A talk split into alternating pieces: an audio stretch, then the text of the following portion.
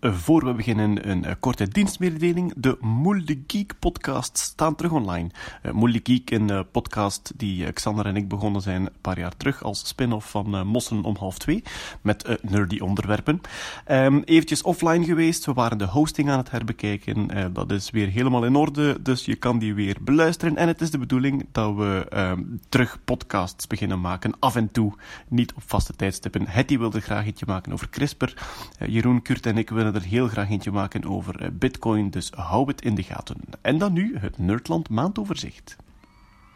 Bom, bom, bom, bom. Dit is een podcast op wetenschap gericht. Bom, bom, bom, bom. Wij zijn zelden van onwaarheden beticht. Bom, bom, bom, bom. En wij zijn nog nooit voor corruptie gezwicht. Dit is het Nerdland. Maandoverzicht. Met uw gastheer Lieven Scheire.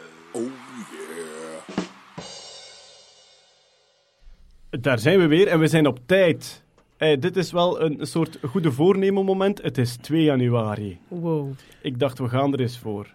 Ja, het is een maandoverzicht, dus het is geen jaaroverzicht. Eh, we kijken naar de maand december in wetenschap en technologie. En hebben jullie dat net gehoord?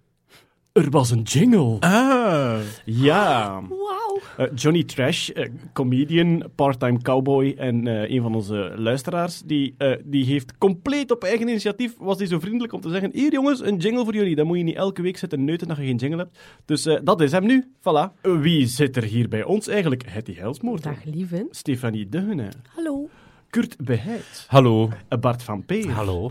En eh, in de zetel zit Matty Meurissen. Misschien als het straks over Doctor Who gaat, dat hij toch nog recht springt. Jeroen Baart is niet aanwezig. Eh, Dat zorgt natuurlijk dat de Musk-sceptie straks wat minder zal zijn, maar dat zien we dan wel. Hè. Hij is ziek. Arme hij. Daar gaan we. En ik ga onmiddellijk beginnen met een die ik zelf eigenlijk bijzonder spannend vind. Magic Leap heeft eindelijk zijn product getoond. En zou, was het januari of eerste kwartaal op de markt komen? Of aan developers leveren? Remind me, Magic Leap. Magic Leap was, eh, is een eh, bedrijf dat bezig is met augmented reality. Dus niet enkel een 3D-bril, maar een bril waar dat je de echte werkelijkheid doorheen ziet en waar dan dingen opgezet worden, zoals Pokémon Go. hè. Pokémon Go is augmented reality. Je ziet door je camera de omgeving en er worden Pokémons opgezet. Ze willen dat nu in brilvorm maken, zodanig dat je echt kan rondkijken in de kamer en bepaalde objecten daarin kan plaatsen. Ik heb vorige week een eh, Microsoft HoloLens eh, opgehad. Dus Microsoft probeert dat ook met een soort doorzichtige bril waar ook objecten op komen. Je merkt dat dat nu nog in early development phase is.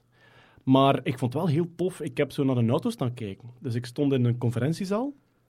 En dan projecteren ze gewoon een auto voor u, op drie meter van u. Maar dus als jij dichter loopt, verder loopt, links-rechts kijkt, daar rondwandelt, blijft dat op diezelfde plek staan.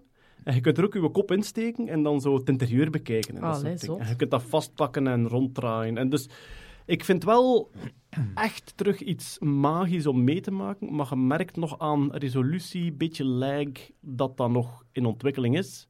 Nu, Magic Leap beweerde dus heel lang van daar de beste hardware voor te gaan maken. Er was heel veel enthousiasme over dat product. Er was heel veel geheimhouding over hoe het er ging uitzien.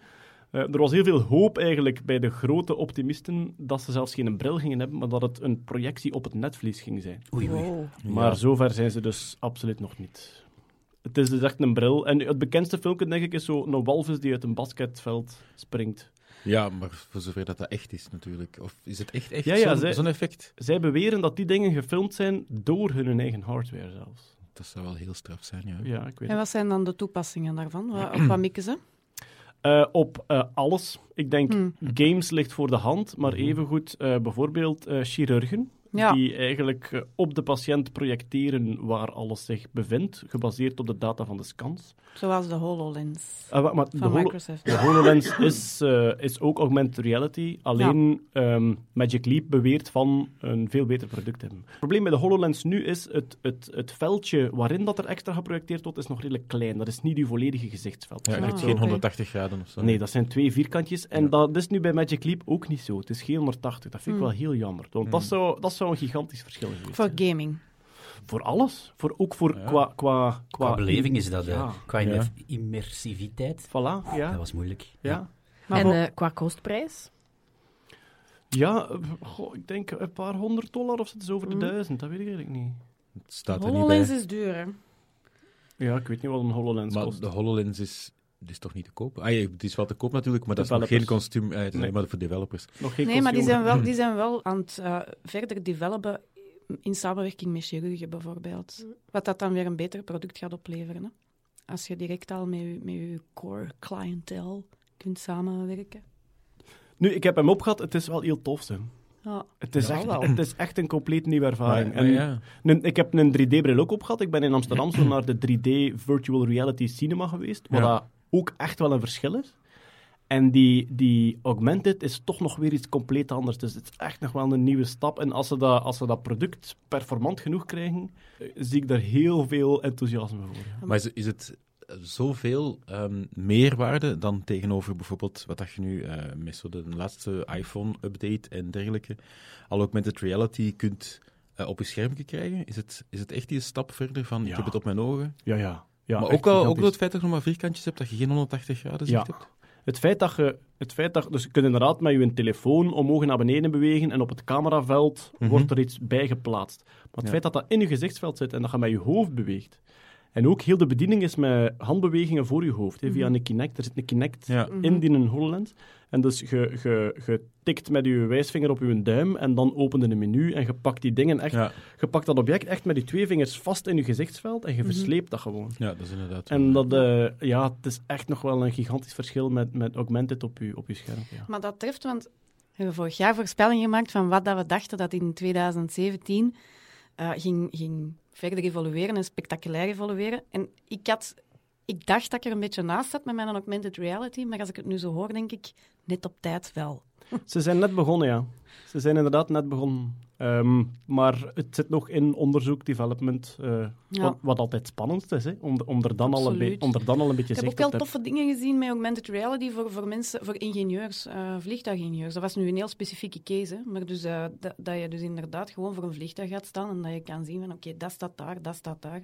En dat je hè, met die pinchbewegingen, gelijk dat je op een iPad werkt, maar dan in de lucht, dat je daar motoren kan uithalen en al die dingen. En dat je dan zo, Ja. zonder eigenlijk je vliegtuig te moeten ontmantelen, ehm, echt een, een echt goed begrip, een goed ruimtelijk begrip krijgt van hoe dat je vliegtuig in elkaar zit. Die, die, eh, die man die die demo gaf met die HoloLens, gaf dat ook als voorbeeld dat je als, eh, als eh, technieker bijvoorbeeld of als controleur door een gebouw loopt en alle pijnpunten aanduidt, maar dat je die in een bestand stopt. Dus dat je zegt van kijk, hier op die muur, hierachter zit dat probleem, daar en die hoek zit dat probleem.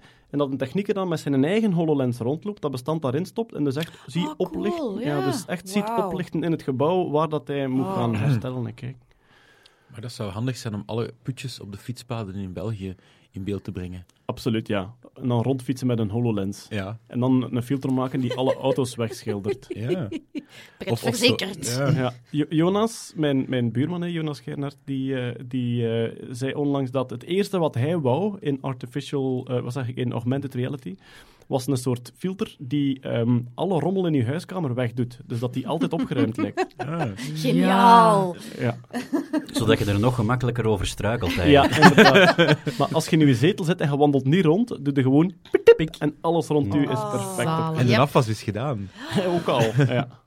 Maar ik was een beetje in de war met die, met die Magic Leap, omdat er een gelijkaardig ding is, gelijk Leap Motion. Dat is al Mhm. redelijk oud, we hebben er alle twee een. Die Ja. dat ook eigenlijk een virtual reality bril uitgebracht hebben, maar waarbij, is het dat, de, ja, ja, de, maar waarbij dat de Leap Motion, die eigenlijk detecteert, die detecteert uw handen heel goed. En die wordt gebruikt als alternatieve computermuis. Je legt dat Ja. voor je computer, houdt je Ja. hand daarboven en je Voilà. kunt daar allerlei Ja, bewegingen voilà. En dus de, de ja. virtual reality bril van Leap Motion, dan was eigenlijk die sensor voor je handen in uw bril, waardoor als je je handen voor u houdt of hield, dat je eigenlijk je handen schoon ehm, zag. Dus die detecteert de beweging van je handen als je voor je computer zit. Hmm. Die Bart sla- maakt zich beeld- zorgen. Slaagt hij dat op? onder, onder uw bureau niet. Ah, oké. Oké, ik ga morgen inbreken bij Bart en eh, een Leap Motion onder zijn bureau plakken. Maar goed, het is dus de eerste keer dat het product eh, getoond is en nu is het afwachten tot als ze het echt gaan, gaan verspreiden. Maar goed, het, het grote verhaal bij Magic Leap de voorbije jaren was altijd... Zo, ze, er was gigantisch veel geheimhouding over hoe het ging werken. Maar alle investeerders die een demo kregen, die gooiden direct miljoenen op tafel. Dat was, dat was zo de grote hype. Nu hebben ze het voorgesteld. Het is een bril en geen een netvlies projector. Ehm, maar het is nu echt afwachten tot als het getest wordt. Nu, de journalisten die hem getest hebben, die waren gematigd enthousiast. Die zeiden van ja, er is misschien iets te veel hype geweest, waardoor het niet het gigantische wow-moment is dat, dat voorspeld was. Maar ehm, ze zien wel groot potentieel. En er is ook een externe computer, dus de bril zelf is lichter gemaakt. Eh, enkel de hardware die in de bril moet zitten voor de projectie zit daar. En dan is het met een kabel gaat die naar een externe computer. Oei, de kabel nog. Ja, maar, maar een kabel gedraagt een externe computer mee aan uw broeksriem. Ah, oké. Dus er hangt iets dat... Met te- batterij dan waarschijnlijk ja, ook. en iets dat te zwaar is om aan die bril te hangen, hangt aan uw broeksriem. Ja.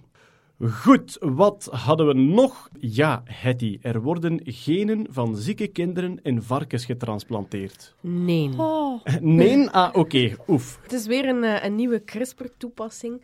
Eh, een leuke vind ik eigenlijk wel. Het gaat om een ziekte, ehm, neurofibromatose type 1. Misschien heel kort even de, de symptomen. Dat varieert van heel lichte problemen tot zeer zware leerachterstand, hartproblemen, eh, kanker, gezwellen in het gezicht. En men veronderstelt bijvoorbeeld dat eh, Elephant Man, dat hij waarschijnlijk die ziekte had, waardoor hij die tumoren in zijn, of die Oh. goedaardige eh, gezwellen in zijn, in zijn gezicht had. Dus over die ziekte gaat het. Eh, het probleem is een beetje om daar onderzoek naar te doen en om daar medicijnen voor te ontwikkelen, dat daar heel slechte diermodellen voor zijn. Dus bij muizen werkt dat blijkbaar niet. Men had een zeer veelbelovend medicijn, dat werkte in muizen bijvoorbeeld, maar dat helemaal gefaald is eh, bij die kinderen. Dus men is eh, constant op zoek naar betere diermodellen. En het probleem is een beetje dat eh, dat is een, een, een foutje in één enkel gen, het NF1-gen. Maar er zijn ongeveer 4000 foutjes in dat ene gen die kunnen voorkomen, waardoor ook dat spectrum zeer breed is van die afwijkingen. Dus afhankelijk van op welke plaats in dat gen dat jij een foutje hebt, heb je een zeer zware Ja, eh, Dat is, afwijking. of dat is zeer wel een gen met een zware verantwoordelijkheid. precies. Ja, ja, inderdaad. Ehm er is inderdaad in heel veel betrokken, vandaar ook die, die, ja, die, die veelheid aan symptomen. Maar wat nu ehm, op, eh, op punt staat, of wat, waar ze mee bezig zijn, is eigenlijk in ehm biggetjes die specifieke mutaties van die zieke kinderen aan het steken.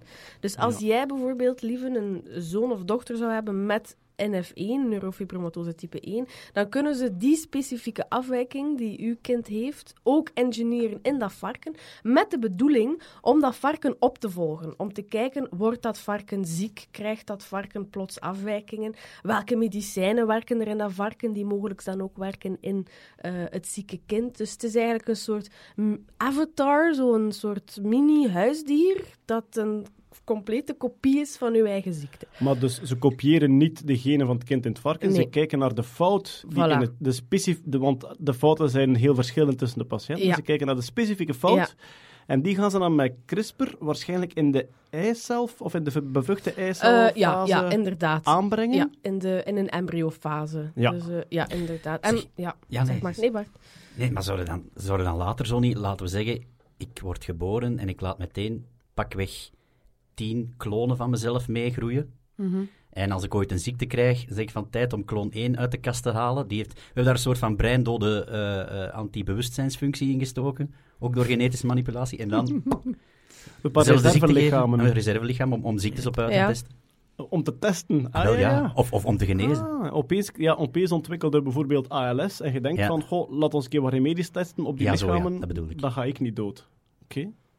Ja, het is, dat is far-fetched natuurlijk, maar het gaat wel die richting uit. En ook ethisch is dat, is dat wel een, een, een groot vraagteken aan verbonden. Stel dat dat kind totaal nog geen kanker heeft bijvoorbeeld, maar dat varken krijgt plots wel kanker. Communiceer je dat aan die ouders en aan Ja. dat kind?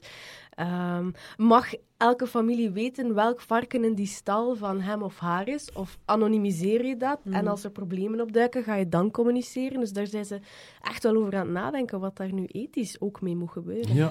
En in hoeverre is dat echt eh, voorspellend?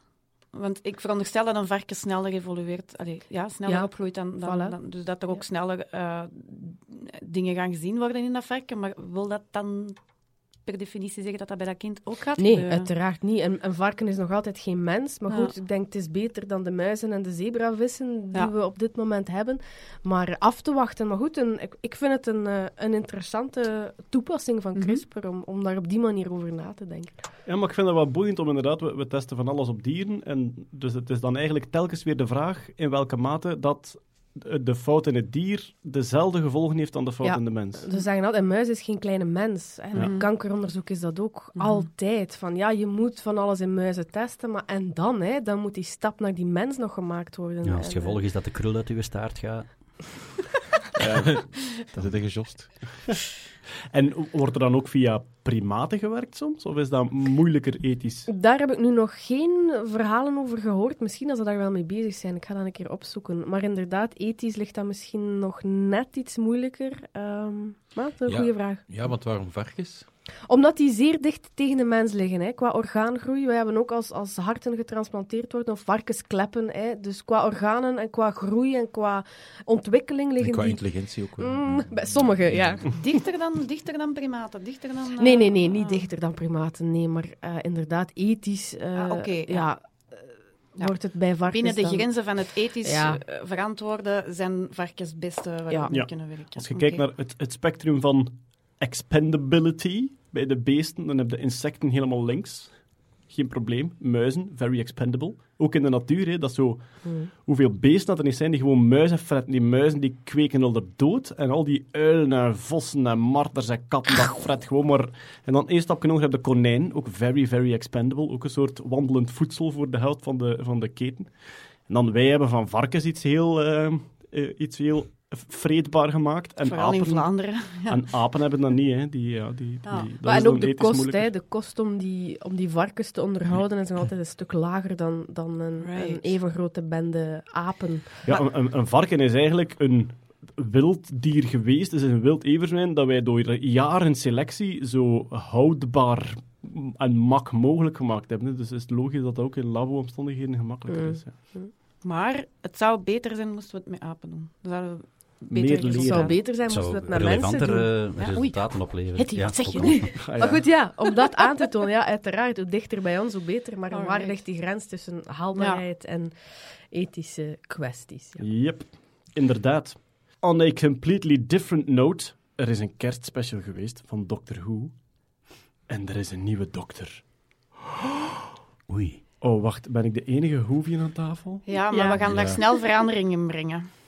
Eh Mattie, komt je erbij? Nathalie is normaal ook een Whovian, maar die, eh, die kon er ook niet bij zijn. Die heeft het ook eh, te druk. Dag Mattie, heb je de kerstspecial gezien? Nee. Ga eens terug in de zetels.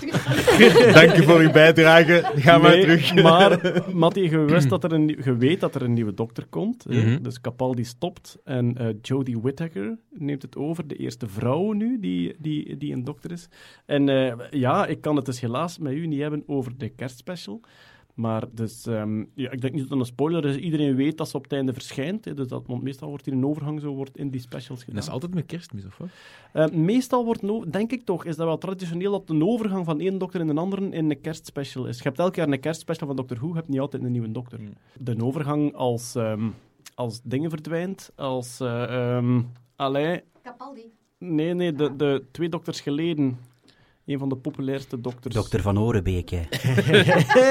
Dr. Leconte. Nee, David Tennant. Ja, de afleveringen waarin dat Davy Tennant verdwijnt en zegt, I don't want to go, is nog altijd legendarisch onder fans. En nu, ja, dus eh eh, Capaldi verdwijnt en de nieuwe dokter verschijnt en godverdomme had ze mij bij mijn kloten, zeg. Ik, heb dus, ik denk, alles samen krijgen ze minder dan een minuut in beeld en het is er zo kloef op, man. Oh, ik kijk er naar uit. Ja, ik kijk er ook echt naar uit, maar ik wil nog geen afscheid nemen van Peter Capaldi. Had, Ja, dat is heel persoonlijk bij iedereen. Ik, ik ben er nooit in geraakt met Capaldi. Ik had er ook niet echt iets tegen, maar hij heeft mij nooit echt, hij heeft mij nooit echt meegehad. Ja. Dus ik ben heel blij met de nieuwe dokter. Zeg, als niet-Hoevian, wa- waarom verandert de dokter soms? Eh, eh, eh, de eerste keer was dat omdat een oorspronkelijke acteur eh, eh, redelijk moeilijk begon te doen op de set en oud en onhandelbaar werd. En dan heb, maar dat is het tof aan een science fiction reeks. Dan verzin je gewoon van, ah ja, als, als een Time Lord sterft, dan, dan ehm, regenereert hij een ander hoofd. En eigenlijk is dat, eigenlijk is dat een... Dus dat is, zoals vaak bij scenario's, is dat gewoon verzonnen om een probleem op te lossen. Maar eigenlijk is dat een fantastische vondst, want dat betekent dus dat je zoals nu echt ja. ja, sinds de jaren 50, denk ik, kun je blijven die reeks doen. En je creëert ook een, een, een zodanige hype. De moment dat aangekondigd wordt, er komt een nieuwe dokter, dat wordt heel lang geheim gehouden. Dat is met een groot live spektakel wordt dat aangekondigd tegenwoordig. En die een overgang van één dokter in een andere. En ja, dat, dat is eigenlijk een fantastische vondst voor een langlopende reeks. Dat ze daar niet aan gedacht hebben bij James Bond. Je, je hebt zo die. die Je hebt geen science fiction Ja. universum je waarin hebt dat dat je science fiction toverstafje niet, hè, van Ja. Simsalabim, wij hebben beslist dat het zo is. We gaan gewoon in de nerdfictie blijven, want eh, de nieuwe reeks van Black Mirror is er ook. Ja, Black Mirror, voor wie het niet kent, een reeks van Charlie Brooker. Eh, Charlie Brooker, voor wie hem niet kent, een eh, fantastische eh, eh, tv-maker en ja, comedian niet echt, maar satiricus vooral. Voor iedereen kan ik zijn Screenwipe, Newswipe en Gameswipe aanraden. En dat zijn gewoon tv-programma's waarin dat hij de technieken achter tv maken, nieuws maken en eh, computergames maken fileert op zeer humoristische wijze. Hij maakte ook de voorbije jaren altijd een jaaroverzicht. 2015 wipe, 2016 wipe. Helaas was er geen 2017 wipe, omdat hij te druk had met Black Mirror. Eh, maar kijk gerust terug naar die van 2016, want die blijft nog altijd eh, hilarisch. Maar dus, eh, Black Mirror, het is nu het derde seizoen, denk ik, of het vierde al? Vierde. Vierde. Vierde seizoen.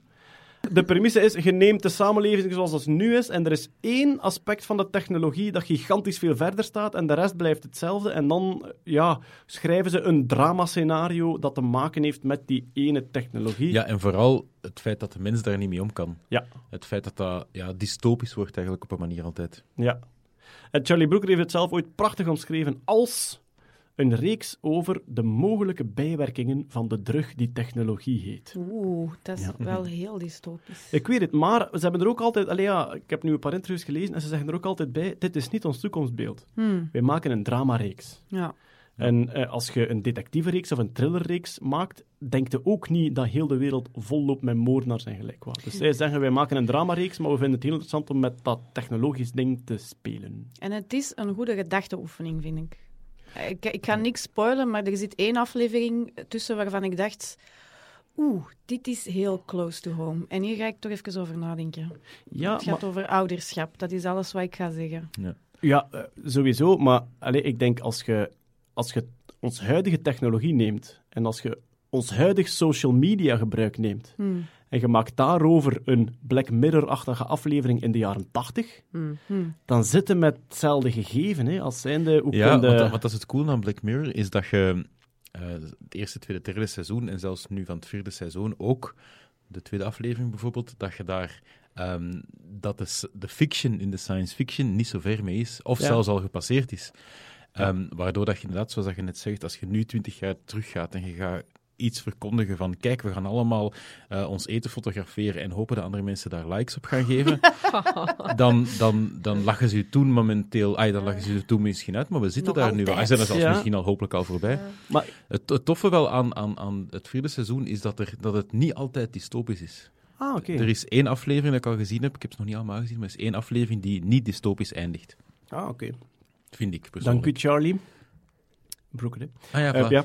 Ehm, maar ik zeg niet de welke, want anders is het misschien al spoilers. Ja, de, de eerste aflevering van het allereerste seizoen, die had al veel te maken met social media. Als Ja. zijnde, en ja, dat kan ik nu wel vertellen, want het is vier jaar geleden en ik spoil niet heel Oeh, veel. ik heb die niet gezien. Maar wacht, ik zal even mijn oren in mijn vingers... Nee, nee, wacht, mijn maar- vingers in mijn oren. Heb je die niet gezien? Het, wacht, zon- zonder dat ik iets zeg, hè. De, de, de premier van Engeland die onder druk gezet wordt op een ehm, aparte wijze. Daar is toch, er is toch zoveel Daar over... is, ja. Ja, oké, Big Gate. Ja, voilà, Ah, inderdaad. Dus eh, eh, het, het gaat hem over... Dus er is een gijzeling van eh, de prinses van Engeland en de gijzelaar zegt via social media, zegt hij, ofwel doe ik ze dood, ofwel laat ik ze vrij. Ik laat ze enkel vrij als om dat uur, morgen namiddag, de premier een varken neukt op de nationale televisie. Oh, no, really? Ah, pakjes. En die doet dat dan natuurlijk. Dat, zeg- dat zeg ik niet. Ja, Vanavond natuurlijk. Dat is- ja, nee, nee, nee, dat zeg ik niet. Maar dan, maar dan heb je heel dat feit van, mogen we kijken of niet? Het gebeurt toch. Ah, ja, ja, ja, mogen we ja, kijken ja, naar tv ja. of niet? Ook ehm, vroeger, Ah. vroeger als klassieke media konden alle kanalen afsluiten en je kon gewoon zeggen, alle eindredacteurs, tv en kranten, kom een keer hier, we gaan even rustig blijven en nadenken, we doen of dat die mens niet bestaat en dat komt niet naar buiten. Vandaag de dag gaat dat niet meer, want je hebt alle andere kanalen en je kunt verspreiden Ja. op alle mogelijke manieren. En dus, ja, dat... ehm, is een, maar het is ook een knappe aflevering. Dus, dus qua dramascript is, eh, is, eh, is ook wel goed. Ga ik ze toch nog zien. Ja, er zijn dan nog wel meer afleveringen die daar rond social media verder gaan. Bijvoorbeeld de Ja, eerste aflevering van het derde seizoen is exact dat. En is wat er eigenlijk nu in China of Japan zelfs al aan het gebeuren is. Ja. Dat iedereen een social rating krijgt. Ah, geen social, maar een rating krijgt. En dat iedereen, de aflevering van eh, Black Mirror gaat dan over dat iedereen eigenlijk likes of dislikes aan elkaar in real life kan geven. Jij hebt mij afgesneden aan de kassa, ik geef je min 5. Bijvoorbeeld. En in, in China is er In nu China echt zijn ze iets daarmee ontwikkeld bezig, ja. waarin dat je dus inderdaad gevoerd een gesprek met iemand en achteraf zegt van, hé, dat was een toffe, ik geef die plus zoveel. En dat iedereen zo... Ja, ja, ja, dat Ja. zijn ze nu aan het, eh, Oh my aan het uittesten. Ja. Goed, maar dus eh, eh, Black Mirror, ik denk ja, voor, voor, voor elke geek wel een heel boeiende reeks om te volgen. Oké, volgende. De NASA plant een interstellaire missie. Wat wil zeggen, een ruimteschip sturen naar een andere ster. Wat dat eh, niet evident is natuurlijk, want dat is dus, eh, ja, de dichtstbijzijnde is eh, Alpha Centauri, denk ik. Yep. En dat Ja. 3,5 lichtjaar, 4 lichtjaar? Zoiets, ja. Ja. En ehm 4,5 lichtjaar om met een fysiek object daar te geraken, dat staat ook wetenschappelijk bekend als heel fucking ver. Dus NASA plant een interstellaire missie, alleen het is nog niet voor binnenkort. Ehm, er is blijkbaar in het Jet Propulsion Lab, eh, dus de, ja, het, eh, waar het onderzoek gebeurt naar al de eh, propulsiesystemen, is er een werkgroep opgestart. En het lange termijndoel is om in 2069, op de 100ste verjaardag van de maanlanding, de eerste interstellaire missie te lanceren Cool. richting Alpha Centauri. En krijgen we daar beeld van? Kunnen we dat, gaan Ah. we dat kunnen zien? De- op, op dit Op ons moment... met vlies gebrand, denk ik, op dat moment. Ja, op dit moment is fase 1 is nieuwe manieren ontwikkelen om ruimtetuigen te versnellen. Die, ze, ze willen graag dat een ruimtetuig 10% van de lichtsnelheid haalt. Wat? Hoe snel gaan ze nu? Het snelste ooit was 70 km per seconde. Dat was Helios, een, een probe die naar de zon gestuurd werd. En die natuurlijk, omdat ze naar de zon ging, altijd ja. maar versnelde. En ik denk dat ze nu nog ronddraait. Dus 70 km per seconde, dat is ehm 2 promille? 3 promille? Ja, ja Dat is, 2 dat is nog safe. twee en een beetje... Ja, inderdaad. De, ruimte, nieuwjaar, de, de ruimtepolitie... Oei, dat. 2 promille. Oké, vlieg maar deur. Eventjes inbreken om mijzelf te corrigeren. Ik zeg hier 2 promiel, maar dat moet zijn 0,2 promiel. Want eh, ja, 70 van 300.000 is 0,23333 promiel. En het grote probleem is ook dat als je rondvliegt aan 10% van de lichtsnelheid, wat dus neerkomt op Dan doet je Eh, er langer over. 30.000 km per, Per seconde. seconde. Ja, dus de, uw tijdsperceptie verandert een beetje, maar niet veel. Hè. Ah, Het relativistische effect op 10% is eigenlijk nog redelijk klein. Ehm, van de, tijds, eh, de tijd die trager gaat, omdat je sneller beweegt. Maar elke mogelijke impact die je hebt met het kleinste stukje interstellair stof Right. is zeer moeilijk. En dat is ook een van de vraagstukken waar ze op werken. Zeg maar, en hebben ze al designs? Hebben ze al, hoe gaan ze dat doen? En hoe groot gaat dat zijn? Hoe gaat dat eruit zien? En, en- Very en- early, en- very early day. Maar er, is, er, is een tijdje, er was een tijdje zo een soort wild idee dat rondging. Ik denk dat onder andere Stephen Hawking er ook over bezig was. Om die solar sails te bouwen. Dus om eigenlijk een soort zeil te maken dat gebruik maakt van de impact van een lichtstraal om te versnellen. Oh, en die, wauw. die versnelling is heel laag, maar je kunt die natuurlijk wel gigantisch lang laten doorgaan. En dus dan zouden een laserstraal richten, Ja. waarmee dat je ze heel lang blijft Het coole daaraan is dat je eigenlijk een superlange eh gaspomplijn naar de aarde laat hangen, waar de al je resources zitten. En je pompt constant impuls van de aarde naar je schip. Die ah, maar gaat die, die laserstraal die gaat op het schip zelf staan? Nee, nee, nee, ja, dat gaat niet. Nee, niet, nee. Dus de, de, de laser staat op de aarde Ja. of, of hangt in de ruimte ergens. Ja. En die, die, die vuurt dan richting het minuscuul kleine solar sailtje. En dat is een manier om met een fysiek object ehm, heel ver te geraken. Het grote probleem dan is, hoe, het is daar, en wat dan? Ja. Want als het zo klein is, hoe gaat het daar technologie in steken die je ook kan terugcommuniceren? ja, voilà, dat Ja, was dat dus mijn het. vraag. Gaan we daar iets van kunnen zien? Dat is toch... Ah, wel, maar ja, 3,3 jaar later. Maar ja, die reis, die reis gaat al gigantisch lang duren. hè. Dus aan 10% van de lichtsnelheid zitten sowieso aan 30 jaar, 40 jaar. Ah, wel, ja, maar dus als we er dan eindelijk zijn, gaan dan mensen dan in de toekomst er dan op, überhaupt iets aan hebben. Dus van, oké, we zijn er, maar we kunnen niks zien. En Ah, wel, we daar zijn, daar zijn we dus nog niet. En ik was aan het babbelen met Jan Rabai, de, de, ehm, de West-Vlaamse eh, uitvinder, die onder andere de iPad ook mee ontwikkeld heeft. Mhm. En waar we ook een Moelde Geek aflevering mee, mee Juist, opgenomen over neural dust. Ja, inderdaad, die nu bezig is over, met Neural Dust. En hij is een grote fan van science fiction boeken, omdat hij zegt, ik vind dat heel tof om te lezen, omdat hij, hij heeft zo die ingenieursreflex om onmiddellijk te denken van, cool, maar hoe zou het werken? Ja. En hij was bezig over die ehm, interstellaire reizen. En hij zei, misschien is een manier om, om de zoveel afstand, een tussenstationtje Ah, achter ja. te laten. Dus Ja. Er vertrekken er duizend tegelijk aan verschillende snelheden. En tegen dat de snelste bij de ster is, hangen er 999 tussen, die alle, ja, repeatertjes eigenlijk, die alles kunnen doorgeven. Ja. Dat was een van zijn... dan of zo. Of, of Ja. gewoon eh, radiogolven. Ja, kleine ruimteschipjes, ja. zo, ja. Ja, repeatertjes. Cool. Dat was een van zijn eh, mogelijke ideeën. Maar dus ja, ze hebben nog 50 jaar ontwikkelingstijd. Allee, doe maar rustig. Wat gigantisch lang Maar is. het leuke is ook dat als je op een reis vertrekt van 30 jaar met je state-of-the-art ruimteschip, de kans zeer groot is dat er een state-of-the-art ruimteschip van iets later u komt inhaalt. inhalen. Ja, dat is kei- kei zielig. Ja. dat is Dus je je zei negen, je pakt je op jaar 25. So long, suckers. Douglas Adams had hetzelfde idee. In The Hitchhiker's Guide to the Galaxy begint hij een hoofdstuk over eh, eh, interstellaire oorlogen. En hij legt uit dat ze heel moeilijk zijn, omdat dus eh, door de moment, meestal als je toekomt, merkte dat de oorlog al uitgevochten is door een schip dat na u vertrokken is, maar beter was en u dus ingehaald heeft. En hij schrijft dan ook, ehm, maar meestal waren de soldaten zodanig humeurig van al die jaren bevroren geweest te zijn en dat is toch geen andere functie, dus vochten ze toch maar nog een keer. Ze waren daar dan toch. Ja, en wat schrijft hij nog in dat hoofdstuk? Want niets kan sneller dan de snelheid van het licht, with a possible exception of bad news, which is why a civilization on Zwork tried to power a ship with bad news, but, um, but it turned out to be completely useless because they were terribly unwelcome wherever they arrived. Ach, Douglas, we missen hem. Een andere mogelijkheid om tot eh Alpha Centauri of, Alpha, of Proxima eh, te geraken Ja. is eh, de methode van Frits Wiki. Hè? Maar die hebben we ook al uitvoerig besproken in een van de podcasts langs, lang geleden. Ah, en wat was die? Frits Wiki, de, de, de fantastfysicus, Die, die is- voorstelde om eigenlijk een raket naar de zon te schieten, een soort van kernontploffing aan één kant van de zon, waardoor dat, dat ding een impuls zou krijgen in de richting van eh, onze ster op vier lichtjaar. En dat sleurt natuurlijk alle planeten mee. Ah, dus de zon... We sturen de zon op reis Ja, en wij gaan sowieso mee. gezorgd dat de zon een bepaalde materie uitstoot in een bepaalde richting heeft, dat Ja. die begint weg te drijven, en zo reizen we samen naar Alpha Centauri. Ja. Geniaal idee, Zwicky. Onmogelijk. Frits Zwicky ook een fantastisch, fantastisch personage. Eh, ja, daar moet je maar eens over lezen. Die deed niets liever dan vloeken, binnenwandelen in bureaus van collega's om te tonen hoe vaak hij kon pompen. En ehm, zijn favoriete Ja. scheldwoord voor collega's was: he's a spherical bastard. En met spherical bedoelt hij gelijk welke kant dat je naar kijkt, is een compleet idioot. En heeft donkere materie voorspeld, Frits Zwicky?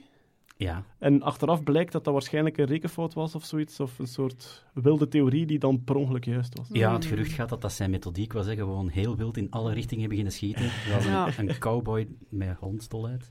Oké.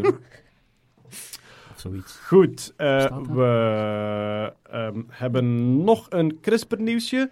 Eh, de, de biohacker, waar dat we het de vorige keer over gehad hebben, die toen live op het podium CRISPR had ingespoten in zijn arm, en waarvan iedereen dacht van, wie is hij? Moeten we hem serieus nemen? Doet hij die dingen echt? Waarom praat hij zo raar? Ehm, is hij nu echt altijd dronken of speelt hij het? Eh, die heeft nu een filmpje op YouTube gezet waarin hij beweert dat hij zichzelf weer gecrisperd heeft. En als ik me niet vergis, gaat het over de, het DNA voor lichtgevende cellen te creëren, gelijk dat zo glimwormen ook hebben. Dat zou in zijn huid alweer gestopt hebben. Ja, het is eh, gisteren op zijn Facebook eh, geplaatst. Hij heeft dat zelf gedaan. Ik heb daar net gekeken. Dat heeft maar 114 likes vandaag. Dus dat, dat passeert. Niemand reageert daarop. Ja. En ik weet ook niet of het gecrisperd is, maar hij zegt: ik, heb, ik ben een heel jaar bezig geweest en ik heb het zeer geheim gehouden. Josiah Zayner trouwens, zijn naam. Ehm, maar ik heb dit, het voorbije jaar mijn huidcellen ehm, genetically engineered, dus genetisch Ja. gemodificeerd. Of het CRISPR is of een voorloper, daar ben ik nog niet uit. Om dus inderdaad het lichtgevend eiwit GFP dat uit een kwal komt, in zijn eh, huid in te spuiten. En hij heeft gisteren een filmpje online gezet waarin dat zou gelukt zijn. Hij is daar weer zeer stoned en of dronken. Ja. Maar ehm, het is een fenomeen. Het is... eh, ik weet het ook niet, lieve net. Het is moeilijk. Het is echt een hobbyist Ja. die van alles beweert. Ja. En, want eh, ja, En wellicht is het waar, hoor. hij gebruikt wel technieken die Ja. er, eruit zien zoals de echte. Maar absoluut, Ja. ja. En dus heeft hij nu een lichtgevende arm.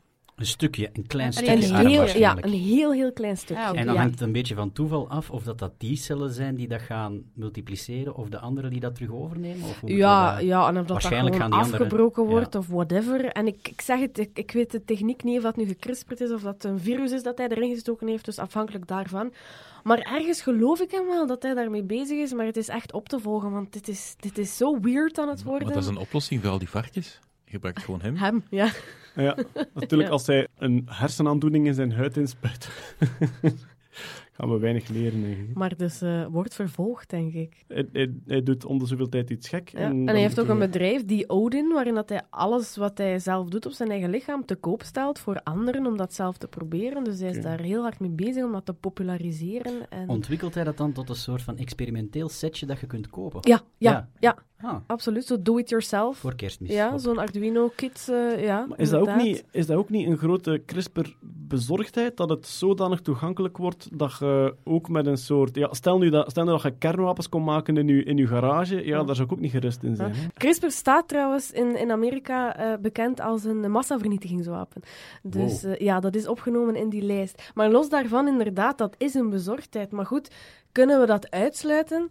Eh, ik denk het niet. Ik vrees van niet. Ik denk dat daar altijd mee geëxperimenteerd zal worden, omdat het zo makkelijk en zo goedkoop en zo toegankelijk is. Maar, Misschien eh, is het ook wel goed dat je van die, van die rare weirdo's hebt die dat Ja. dan, dat, dan zoiets... Allee, je- je hebt En ook vooral- van die neurowetenschappers die dan chips in hun eigen brein planten en ja, dat loopt dan gigantisch mis. Ja, Maar je hebt daar wel gigantisch veel data want aan, nu wordt daarover gepraat en het is goed dat hij dat nu doet, dat Ja. daar nu over nagedacht wordt. Dus ja, echt, Ja. het is een weirdo, en, ma- maar wel iemand om in de gaten te houden en die met interessante dingen bezig is. heeft een Ja. maatschappelijke functie. Ja. Oké. Het Niet licht, dood doen. het licht in de duisternis. Ja.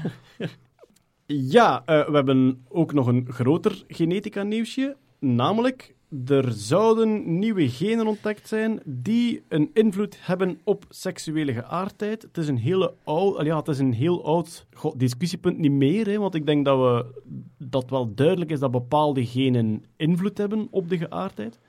Er zijn er he- heel lang geleden al een paar aangeduid. Niets bleek dan 100% te kloppen. En nu gaat het weer enkel over dingen die bij mannen een indicatie zouden geven. Ja, dus begin december verschijnt er een, een artikel in Nature Scientific Reports, waarin eh, een groep van duizend heteroseksuele mannen vergeleken is met een groep van duizend ongeveer homoseksuele mannen. En je zegt, er zijn er vroeger al een aantal, dat is niet waar.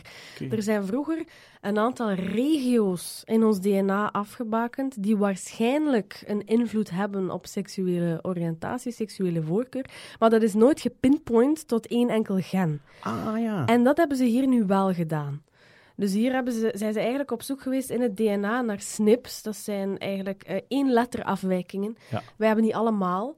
Eh, soms hebben die geen invloed, soms zorgen die voor variatie. En soms hebben die een hele grote invloed door een levensbedreigende ziekte te zijn. Maar dus op die manier kunnen ze ook wellicht van invloed zijn op, op intelligentie of op seksuele voorkeur. En ze hebben al die mannen dus eh, onderzocht. Ze zijn op zoek gegaan naar die één letter afwijkingen in dat DNA. Ze hebben er twee gevonden die wellicht geassocieerd zijn met eh, homoseksualiteit. Eentje ervan ligt tussen twee genen in die betrokken, is in, of betrokken zijn in het brein, functie van het brein. En de andere ligt midden in een gen dat de schildklierfunctie reguleert. Maar eerlijk gezegd, en dat geven ze zelf in de laatste paragraaf ook toe, dit is allemaal zeer speculatief. Ah. Dit is zo complex. Wellicht zijn er heel veel genen betrokken, zoals bij intelligentie, maar ook in, in seksuele voorkeur. Allemaal hebben ze waarschijnlijk een heel kleine invloed. En dat zeggen ze hier nu ook. Wij, wij hebben hier nu iets gevonden en één ervan, ja, wellicht een belangrijk in het brein. Maar goed, so what?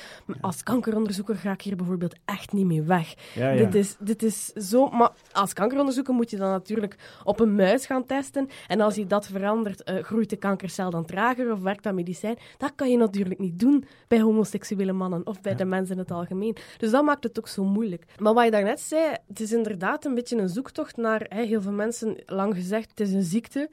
Ja. Of het ligt aan de opvoeding. Of het is een keuze. Ja. Ja. En het, het, het- dat is een beetje waar, waar het voor mij ook tussen hangt hoor. Ehm, het is zeer anekdotisch trouwens. Ehm, ik zelf heb een vriendin. Mijn broer is homo, mijn vader is homo en mijn neef langs vaderskant ook. Dus in mijn familie is er anekdotische evidentie je dat het wellicht wel. Ze zijn nog niet, nog niet gebeld door de onderzoekers. Nee. Maar het feit dat dat dus waarschijnlijk een genetische predispositie heeft, sluit dan misschien deels uit dat het een keuze is. Anderzijds, er zijn mensen die zeggen, ah kijk, het zit in uw genen, dus het is een ziekte. Ja, goed. Dus we kunnen beginnen embryo screenen, of we kunnen ze beginnen crisperen. Dus ja, oké. Maar en, en dat hangt daar voor mij altijd een beetje tussen. Maar ja, ziek- ziekte is semantiek. Het is een, het is een, Tuurlijk, het is een ja. eigenschap. Blauw, blauwe ogen is ook een eigenschap. Haarkleur ook. Maar wat ik allee, zo helemaal in het begin van, van, van dat genetisch onderzoek daarnaar, ehm, en dan denk ik dat het jaren 90 is, of jaren 80, jaren 90, had je een heel grappige situatie, vond ik zelf. In Amerika waren de, ja, zo de conservatief-religieuze bewegingen, die waren daar keihard tegen Ja. dat dat genetisch kon zijn. Ja. Want dat moest en dat zou een keuze, Keuze zijn, zijn. of een Mm. opvoeding, Ja. of gelijk wat. Satan. Eh, ja, en in Nederland was de Holy-beweging daar keihard tegen. Omdat die zeiden van, ja maar nee, onze eigenheid valt niet te herleiden tot codekes in onze cellen. Hè. Ja. Dit is gewoon, dit is onze eigenheid en ons karakter. Ja, als, als, je, als je nu zegt, mijn eigenheid valt niet te verwarren met mijn DNA, dan denk ik, nee. Mm. Ja. Dus maar Maar het was een soort grappige situatie Ja. dat, dat in Nederland waren, was, was de Holy-beweging daar keihard tegen en in, in, Engeland, eh, in Amerika dan de, de, de religieuze. En het hangt er al heel lang een beetje tussen van, is het nu goed of net niet goed dat het in de genen zou zitten? Maar goed, ja, het zit er... Het Ik zit... zie geen, ik zie geen Nee, bezwaar. ja, nee, uiteraard, maar... Ja. eh, Ik zie wel ja. een gevaar. Ja, en, Want je zou dat kunnen uitselecteren natuurlijk. dat is waar, maar je kunt blauwe ogen uit, ook uitselecteren. Ja, maar waarom zou je dat doen? Maar hier zijn we misschien niet ruimdenkiger, ja, maar daar staat nog altijd de doodstraf op, hè? Ja, voilà, kijk. ja, ik bedoel, er zijn toch veel landen waar je beter niet homo bent, hè? Ja, dat is absoluut waar. Dat was trouwens, de, dat was trouwens een van de grote discussiepunten. Eh Kuwait heeft eh, ooit een wet ingevoerd waarin dat alle toeristen, alle inwoners en toeristen die het grondgebied betreden, moesten een DNA afstaan. Om veiligheidsredenen. Ja. Nou, kijk. Zodanig Ja, dat je... Zodanig dat Ding je dus, dong, ring the alarm bells. Ah, wel, dus als, er, als er een misdaad gepleegd werd, dat ze zeiden, wij willen een complete database. Oh. Pas op, dat ik denk dat het afgevoerd Het is. is heel snel afgevoerd, onder andere door druk uit de KU Leuven. Ja, ja, inderdaad. Wauw. Ja, bij de KU zoveel Leuven. invloed in Zuid. Nee, nee, op zich niet, maar de KU Leuven is al heel lang bezig met, met genetica en ook met die NIP-testen en dat soort dingen. En die hebben, een, die hebben een heel actieve ethische commissie. En het is een van die mannen die internationaal aan alle andere ethische commissies gezegd heeft van jongens, heb je nu gezien wat er aan het gebeuren is? En dan is er dus een grote internationaal druk gekomen en is dat afgevoerd. Hmm. En ik stel dat in mijn DNA-voorstelling, stel ik dat ook als vraag aan het publiek. Mag de politie dat? Hm. Mensen redeneren vaak van, ja kijk, Ik als heb niks te verbergen. Wel ja, als, u, als uw DNA op de plek van de misdaad ligt en ze kunnen daardoor misdadigers sneller ontmaskeren, ça va. En dan zegt er, de, dan zegt daarbij van, ah, en in Kuwait is, ehm, ja, in Kuwait is anders geaard zijn strafbaar. En we weten het genetisch nog niet, we kunnen het nog niet pinpointen, maar misschien over 20 of 30 jaar Mhm. steekt je gewoon al die profielen die je hebt in de computer en dan, ja, dan krijg je lijstjes. Hè. Ja, voilà. En Ja. Dat, is, eh, dat is waar het een beetje tussen hangt. Dat is moeilijk als, eh, als eh, wetenschap zoveel emotionele en, en, en ehm, ethische gevolgen krijgt. En om- politiek ook, hè? Ja, maar omdat dat, omdat dat vaak het onderzoek in de weg staat. Omdat, omdat heel veel mensen een bepaald resultaat willen zien. Mhm. En daar zijn het toch altijd een beetje kwetsbaar als, als waarheidszoeker. En ook in publicatie, hè, public, Ja. publication bias. We lezen toch liever wat we willen dat waar is dan niet. En ook qua, qua funding. Dit is onderzoek dat echt naar mijn gevoel niet vooruit gaat. Hè. Ja. Dat is als er een keer een paar, paar dollar aan de kant staat, dat ze zeggen, oh, we hebben hier nog een groep homoseksuele mannen, we gaan daar ook een keer het genoom van bekijken. Dat is mijn gevoel. Maar zouden niet, als, als, we, als we evolueren naar een soort 23andMe-scenario, Mhm. dus 23andMe... Ze hebben er trouwens ook onderzoek op gedaan. Ah, ja, ja, ja. Ze hebben denk ik twee of drie jaar geleden eh, iets uitgebracht. Ze hebben een dataset van honderdduizenden. Ah, wel, maar dat bedoel ik. Ja, Dus 23andMe is een website, je kunt daar voor denk, 100 dollar kun je een kitje kopen, kun je een deel van je DNA laten testen en zij geven dan een beetje dingen mee waarvan dat zij, waar zij onderzoek naar doen en ze zeggen er heel duidelijk bij, dit is wat we op dit moment weten enzovoort.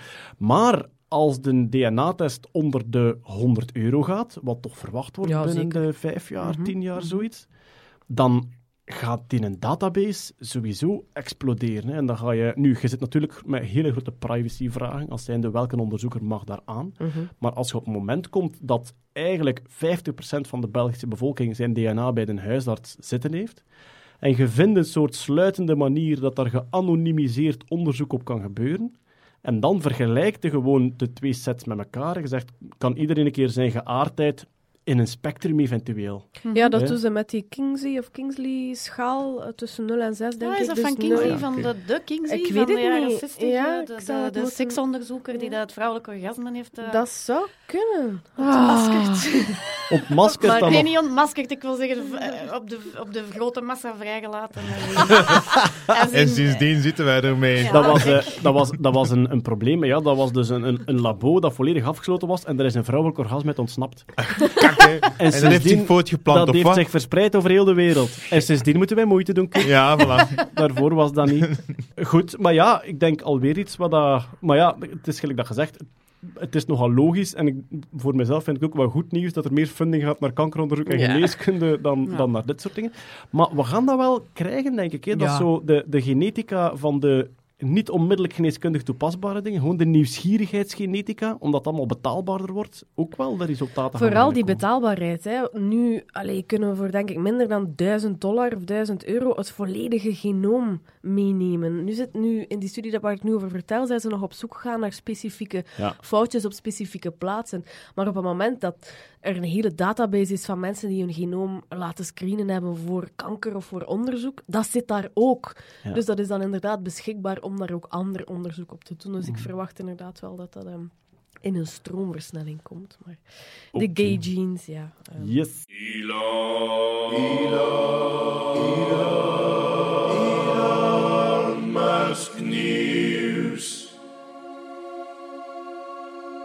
Hier hebben we ook een jingle voor.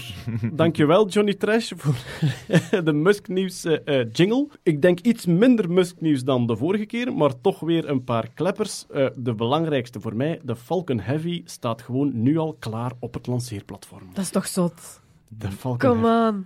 Enthousiasme Ja. vanuit de, de Ja. geneeskundekant Maar zelf. sinds, Alright. sinds ik in de podcast zit, dat begint zo, je hoort wat over bitcoin, je hoort over Elon Musk, en dan, oh ja, je leest daar wat meer en meer over, en what the fuck, hij staat daar gewoon. Dat is echt, We hebben nu gebeten. ja, Ah, volledig. super. Ja. Maar wij zijn ook ik wou zelfs naar. Cape Canaveral vliegen om dat mee te maken. Maar... Ik wil ooit een raketlancering zien. Dat staat op mijn dat bucketlist. Ja. Ja, ik wil ooit een lancering. Ik wil heel graag naar de laatste lancering en liever nog naar de laatste landing van de Space Shuttle.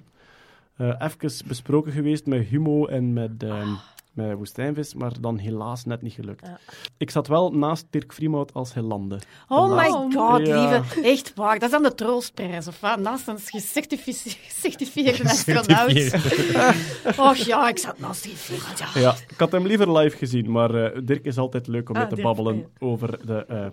het was dezelfde zelfs, het was de zijn, ten Atlantis, denk ik. Dus de Falcon Heavy staat klaar, de zwaarste raket eh, die onze generatie ooit gezien heeft, want eh, de, de Apollo's waren zwaarder, of ben ik mis? Het zou kunnen. Ik denk het, ja, zwart. Hij staat klaar, staat nu gepland voor januari. Bon, hij is al vaak uitgesteld, maar hij heeft nog nooit klaargestaan, dus het kan weer verlaat worden. Vorige keer ook gezegd, eh, Elon Musk gaat zijn auto naar Mars schieten. En dat zit erin, hè? Ja. De auto zit erin, ja. Ja, dat zijn foto's. van- Dat is Ja. wel heel schoon foto's. Ja, zo een auto, maar zo. van, van ja. onder zo, ja. Ja. Oh. Eh, ja, en dus zoals we vorige keer ook zeiden, Musk denkt dat het ding gaat ontploffen, de raket, en hij hoopt dat hij ver genoeg van het lanceerplatform is, zodat er Hm. geen schade gaat zijn. Zullen we niet gewoon een watchparty houden? Ja, absoluut. Ja. Oké, dat is dan bij deze beslist. We moeten nog wachten op een datum. Ja. Eh, Hou dan onze Facebook en onze Twitter-accounts in de gaten. En dan gaan we ergens samen eh out, outgeeken en outnerden. Ja, baby. Het doel is om in een orbit rond Mars te Rond geraken. Mars, ja. Heb ik dat juist? Ja, Ja. oké.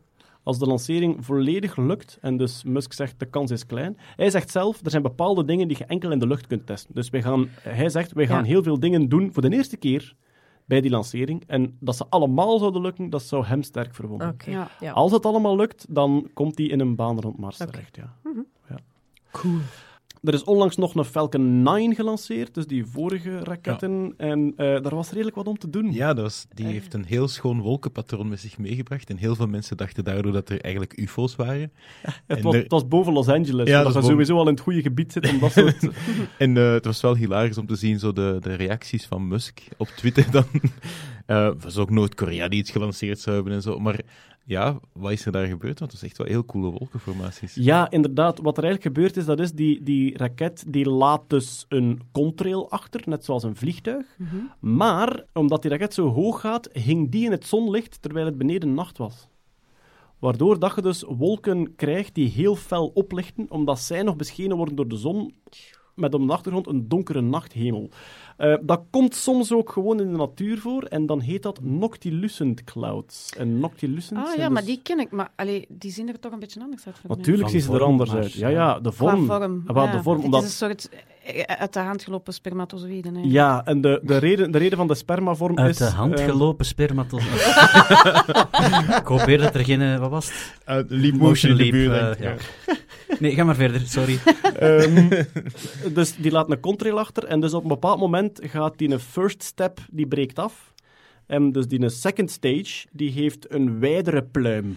Right, oké. En natuurlijk, de luchtdruk wordt daar lager, waardoor die pluim ook eh, breder open gaat. En daardoor krijg je zo dat staartje en dan die grote kop. Maar ja, zoek het op op, eh, op eh, het Ja, internet. Het zijn hele mooie Zijn foto's. keel- ja, heel mooie foto's, ja. Falcon 9, Strange Cloud over LA. Daar ga Maar dan toch net zo in die periode dat er bekend wordt dat wat? De Amerikaanse overheid een, eh, Klopt, ja. een UFO Onderzoeksprogramma had. onderzoeksprogramma had. Ja. Dat is toch ook... eh, Het was een documentaire die in de New York Times stond. En blijkbaar heeft eh, het, eh, het ministerie van Defensie heeft gedurende vijf jaar een onderzoeksprogramma naar UFO's gehad. Het Advanced Aerospace Threat Identification Program. Eh, 22 miljoen dollar hebben ze erin gestoken. Nu, het is, ja, je kunt er lacherig over doen, maar ik denk het eerste opzet was redelijk oké. Als zijnde, zij wisten dat hun piloten soms dingen zagen waarvan ze niet snapten dat ze waren. En ze Mhm. dachten, laat ons dan een keer onderzoeken. ja, oké. Er zaten wel, er zaten wel, volgens dat ik het lees, hè, zaten er wel wat alien- en ufo-believers bij Ja. in het onderzoeksteam. Maar uiteindelijk is alles op correcte wijze onderzocht. Mhm, Ja. Hebben ze heel veel verklaard. Fine. Er was blijkbaar toch een hoop dat ze iets gingen ontdekken als zijnde... Er is iets dat bestaat en we weten niet wat en we moeten zorgen dat onze vriendjes zijn. Maar het is uiteindelijk afge- afgerond. Maar dat is toch niet nieuw, dat piloten, als ze vliegen, dingen zien die dat er niet zijn. Ja. In de, denk, Tweede Wereldoorlog is er zelfs een term, weet je, tussendoor, de term Foo Fighters Ja. Ja. is zo ontstaan. Foo Fighters waren piloten die andere vliegende objecten zaten en dachten van, ik ga er achteraan, ik schiet ze neer. Maar er was niks. Oh. Ja, en dus de Ja. term van de muziekgroep Foo Oh, Fighters is naar dat genoemd, naar dat En fenomeen. waarvoor staat Foo dan? Foo als bestaat niet. Zo Dat Foo in de computerterm bestaat ook. Oh, wel, Ja. ze, ze dachten toen ook echt dat het aliens waren. Ja, Dus ja, ze Foo- dachten dat. Ja. Die piloten zagen iets, gingen erachteraan en zagen niks niet meer. Ja. De, de Wereldoorlog 2-piloten hebben een gigantisch arsenaal aan nieuwe terminologie verzonnen. Die hadden een soort eigen dialect en heel veel, eh, ja, heel veel slangwoorden. En Foo Fighters was daar één van. Airplane. Echt zot. Cloud, Cloud. Bird. Ehm, ja, de Foo Fighters. En achteraf is dat dan... Want ook daar is er, volgens de overlevering, zou er dus een moment geweest zijn in het leger dat de geallieerden gezegd hadden... Volgens ons zijn er eh, aliens aan het meevechten en we moeten zorgen dat ze aan onze kant staan. Oh, wat? Oh ja. Ehm, en achteraf is dat, ik denk, het grootste deel is dan verklaard door ehm, reflecties op het glas binnen Ja, de voilà, en cockpit. lichtinvallen en zo. Ja. Dat is heel er staat één filmpje online van een ehm, jetfighter pilot die dus ook een lichtvlek bekijkt en bespreekt met zijn co-piloot. Ik en, denk dat ik dat heb gezien, ja. voilà, en die constant zegt wat ze aan het doen is. Ja, En als je kijkt naar de beweging van zijn cockpit, die gaat mee. die draait altijd, tegen, die draait altijd tegen de beweging van zijn cockpit Ah ja, oké, op die manier, ja. Maar eh, voor, voor mensen die... eh, ja, dus kunnen wij uitsluiten dat er al aliens of ufo's ooit geweest zijn op aarde? Nee. Nee. Alleen er is geen enkel bewijs momenteel dat afdoende is. En de, ja, de beste speech daarover ooit is alweer van Neil deGrasse Tyson. Die op een congres eh, de vraag krijgt, iemand die vraagt van... eh, ja, ehm, ik hoor zoveel over aliens en hoe komt dat? En is dat de overheid die dat voor ons achterhoudt? En eh, hij pauzeert even en hij kijkt en hij zegt dan... I'm not authorized to comment on this question. en dan schiet iedereen in de lach. En dan geeft hij een fantastische uitleg waarom dat er nog geen afdoende bewijs is. En, en enfin, ik ga hem nu niet herhalen, je kunt hem gewoon opzoeken. hè. Neil deGrasse Tyson on Aliens. eh, eh, een zeer degelijke uitleg erover. Ja, Bart, weet je wat die Falcon 9-lanceringen, wat die nu aan het doen zijn? Nee. Die zijn Iridium-satellieten aan het afzetten. Ah, dat is juist. Ik had dat ergens gelezen. Ja. ja. Want ja. die willen daar eh, een soort van gevorderd communicatiesysteem Ja. mee Dus- installeren. Iridium, eh, Iridium-satellieten zijn voor satelliettelefonie. Dus op elke plek op de aarde heb je altijd line-of-sight contact met één Iridium-satelliet, minstens. Waardoor je altijd met, met die telefoons kunt bellen. Dat is nu al. Dat is nu al, Ja. ja. En die- dat bestaat al tientallen jaren, denk ik, dat Iridium-satellietsysteem. Eh, alleen, eh, dat is heel populair bij eh, nerds en vooral bij, Ja. Ja, dat is fantastisch. bij sterrenhemelobservatoren.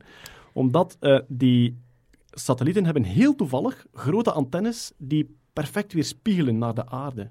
Waardoor dat die op de aarde een soort lichtvlekje toveren. En als je op de juiste plek staat als die overkomt en die weerspiegeling wordt juist naar uw gezicht weerkaatst, dan kun je een iridiumflits zien. En dat is gedurende één of twee seconden zie je een gigantisch heldere bewegende ster. Een uit beetje vallende veruit- ster eigenlijk. Nou. ja, maar veruit het Trager helderste? Ja. veruit het Ja. helderste object op dat moment aan de hemel. Ja, want ze zijn niet geostationair, hè? Nee, Dus nee, ze, vliegen rond aan 28.000 km per uur. Maar ehm, omdat die baan zo goed bekend is, kunnen we dat perfect voorspellen. Dus dit is een open uitnodiging aan jullie allemaal. Eh, download de app, hè. Ehm, Sputnik met een K en met een uitroepteken. Ehm, of ehm, Iridium Flares gewoon is er ook in. En heb jij daar alleen gezien? Ik heb er eh, nog wel een stuk of dertig gezien. Nee. Toen dat hij aan Minder het koffie drinken was met uh, Dirk Vriemhout. Ja. Dirk en- Nee, maar je ziet ze constant. Oké. Dus ze zijn heel vaak te zien. En dus die een app die zegt, je, je gaat naar je woonplaats en je duwt op eh, kijk op deze locatie. En dan geeft hij je een lijst voor de komende week. Ja. Alleen ze zijn niet allemaal e- even helder. En je moet de hele heldere zoeken. Die van min 6 of min 7. Eh, en soms min 8. Dus hoe lager, hoe helderder. Ja, inderdaad. Deze zomer een van min 7 gezien. En ik moet ook echt benadrukken dat dat ook voor niet-nerds en niet-geeks Dat klopt. echt, eh, echt indrukwekkend is. Het is maar een app op uw, op uw telefoon installeren eigenlijk. Uw eerste Iridium-flits Ja. vergeten nooit. Echt waar. En als je op reis gaat, of eigenlijk als je s'avonds samen zit met vrienden, pak die een app, je kijkt even rap. En daar kun je indruk mee maken. Als je samen bent met je Ja. vrienden en er is een heldere hemel en je zegt op dat moment van ah, we moeten om tien uur een keer buiten kijken, daar komt een Iridium-satelliet over. Je, eh, je kunt in die app een alarm instellen dat die even trilt eh, vijf minuten ervoor. Je gaat naar buiten. De telefoon geeft ook de positie waarin dat je moet kijken. En als je dan de eerste ziet, dan heb je wel echt een, een gigantisch was Ja, je, ja, je zeg mag dan een wens doen ook, hè? Is dat zo? Eh, een, een wens voor betere telefonie. Ja. Maar dat is dus een beetje het jammere. Er komt een nieuw Iridium-systeem en ik denk dat alle oude gaan eh, Oh. uit de lucht gehaald worden. En de, Oh. nieuwe, de nieuwe flitsen niet.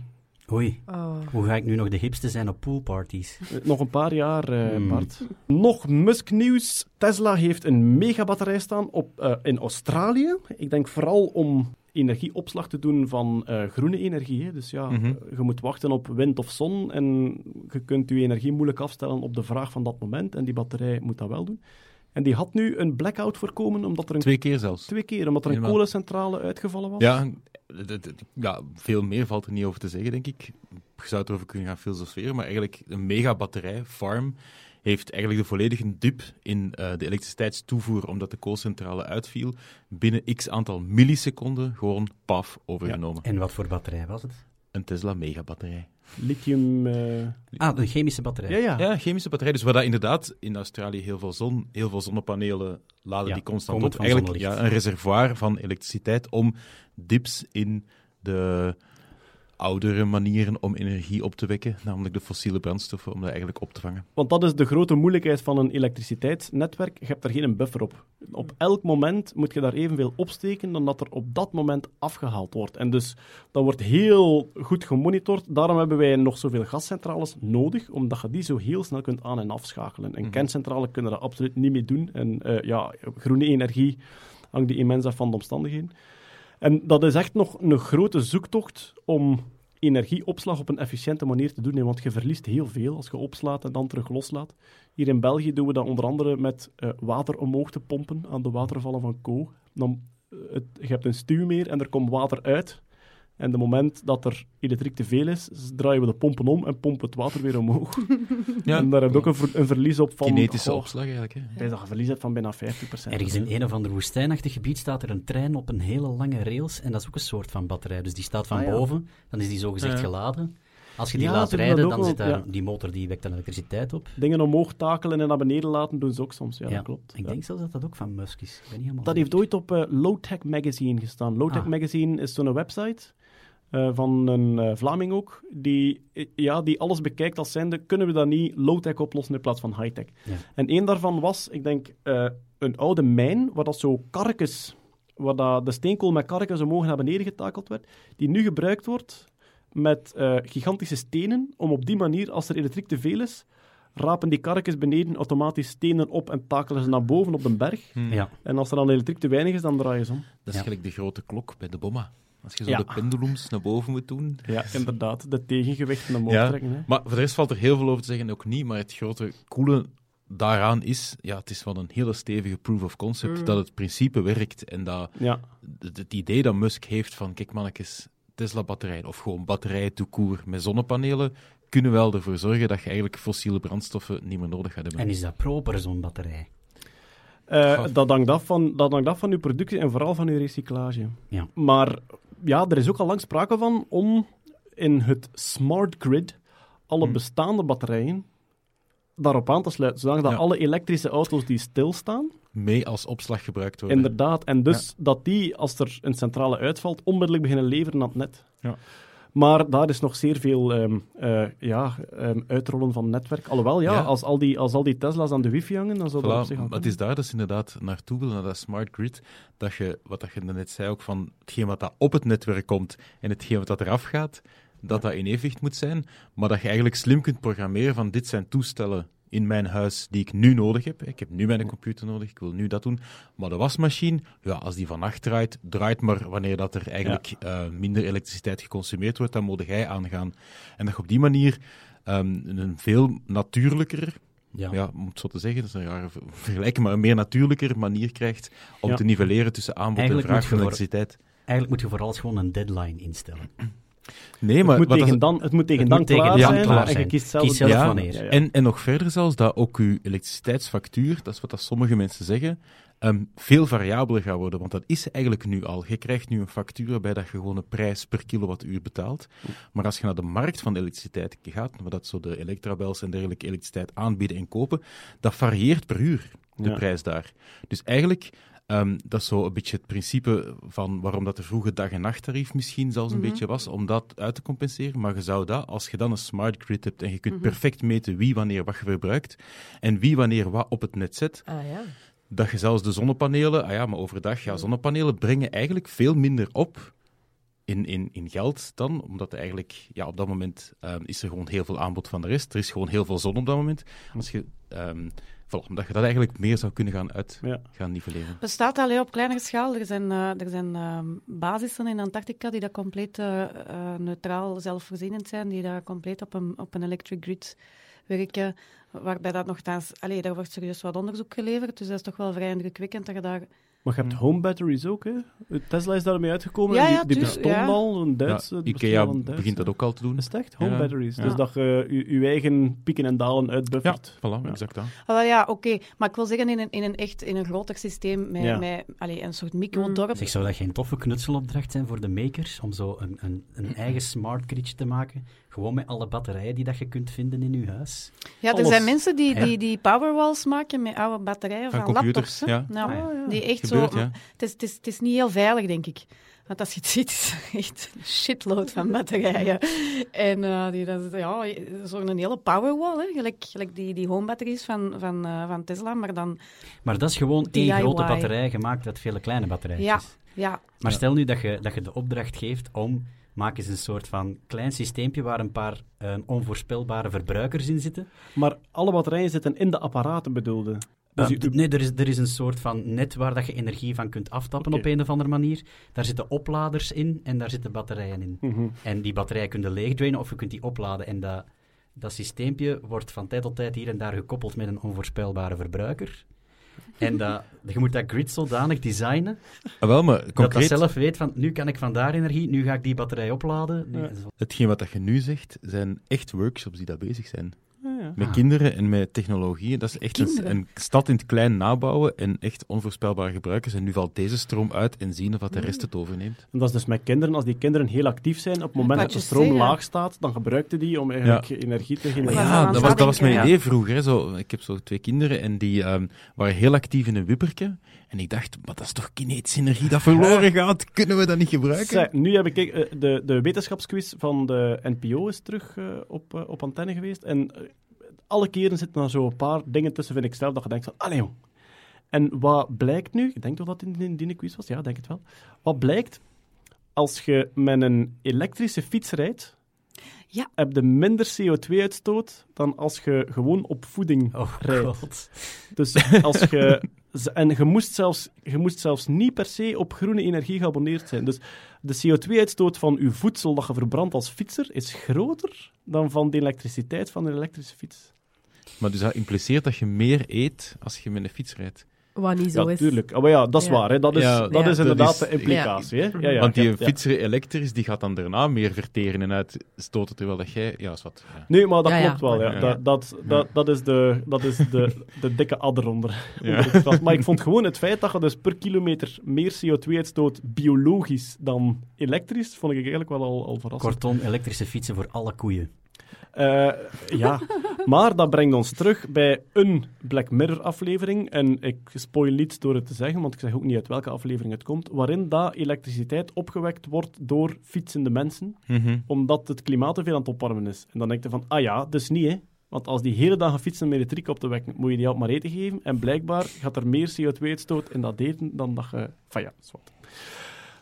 Je kunt dat ook op duizend andere manieren berekenen. Ik denk dat het wel klopt, maar daar gaan we ons nu niet mee bezighouden. Ja, goed. Eh, nog één Musk-nieuwsje. Eh, Elon Musk heeft eh, feedback gevraagd aan de Tesla-chauffeurs. Ja, hij heeft, En heeft gezegd heeft- van, wat kunnen we nog doen voor jullie? Ja, hij heeft er eens iets getweet, hè. Zo, zo gaat hij aan het werk. Hè. Dus hij heeft gevraagd van, ja, oké, eh, we hebben allemaal ons best gedaan. Hoe, wat willen jullie? Wat kan er beter?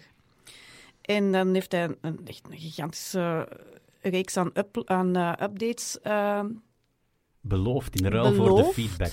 ja. Ja. Waaronder eh, een electric eh, pick-up truck. Vind ik al een stevige belofte eigenlijk.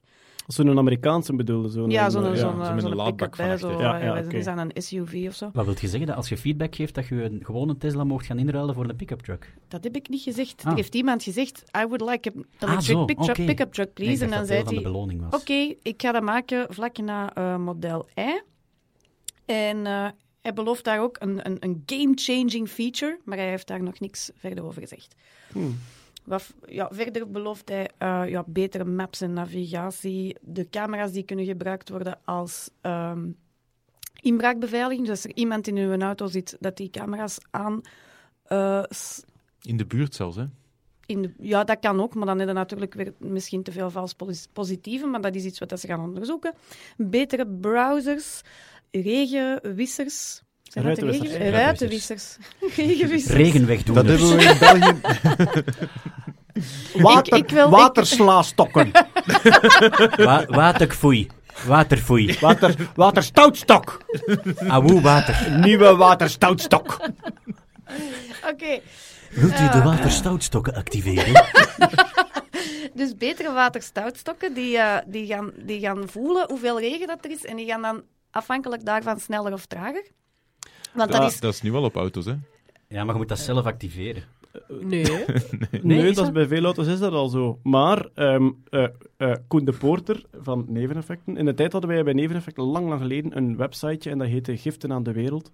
En daar stonden allerlei uitvindingen op waarvan dat Koen of iemand anders van, ons, van eh, het, eh, het eh, kwartet vond dat ze dringend gedaan moesten worden. En bij Koen was dat uh, ruitwissers die altijd meegaan op de maat van de muziek. Ah, maar ja. kijk, hij gaat, iets regel- hij gaat iets vergelijkbaar doen. Dus er had iemand gevraagd naar een disco-mode. Want dat heb je nodig in een auto.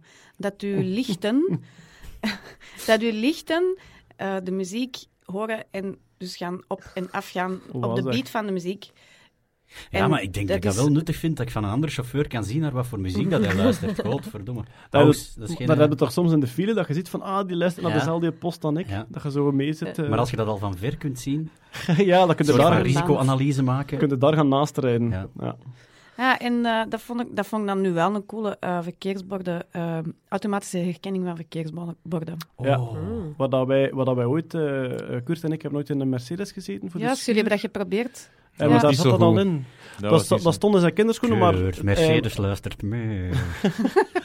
Ja, maar dat is wel drie jaar geleden, hè? Ja, hij herkende dat één op de twee keer. Dus als je langs een Ja. bord reed, en hij toonde dan echt van, hier mogen maar 70. Ja. En, eh, dus dat, kan mij voorstellen dat dat nu al veel beter werkt. Goed, dat zijn alle beloftes. Eh Hetty, nog eentje voor jou. Er is een kind geboren dat 23 jaar geleden verwekt was. In 92. Dat is Dat 25 is jaar. 25. Ja. Dus een embryootje dat bevrucht Mhm. was, ingevroren Ja. en nu pas ingeplant. Ja. En meer is het eigenlijk ook niet. Het is een eh, heel kort nieuwsje, maar het is wel fascinerend dat de technologie, vind ik, zo ver staat. En die moeder die nu dus bevallen is van dat meisje, Emma, die was toen anderhalf, toen dat embryo ingevroren is. Cool. Dus je kunt, Ehm. je, kunt vandaag de dag technisch bevallen van je zus. De- dus Ja. je kunt eh, technisch gezien zelfs bevallen van ja. je tweelingzus. Of ben ik dan mis? eh, Zouden we dat wel doen?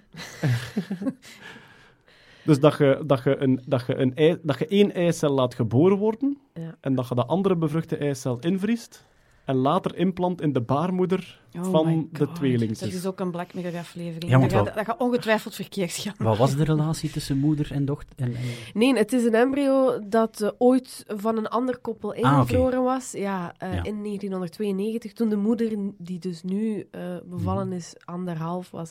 Maar eh, gedoneerd aan een religieus geïnspireerde databank die niet vindt dat die embryo's vernietigd mogen worden. Ah, daarom. Ja, voilà. Ah, maar die ze dus bijhoudt.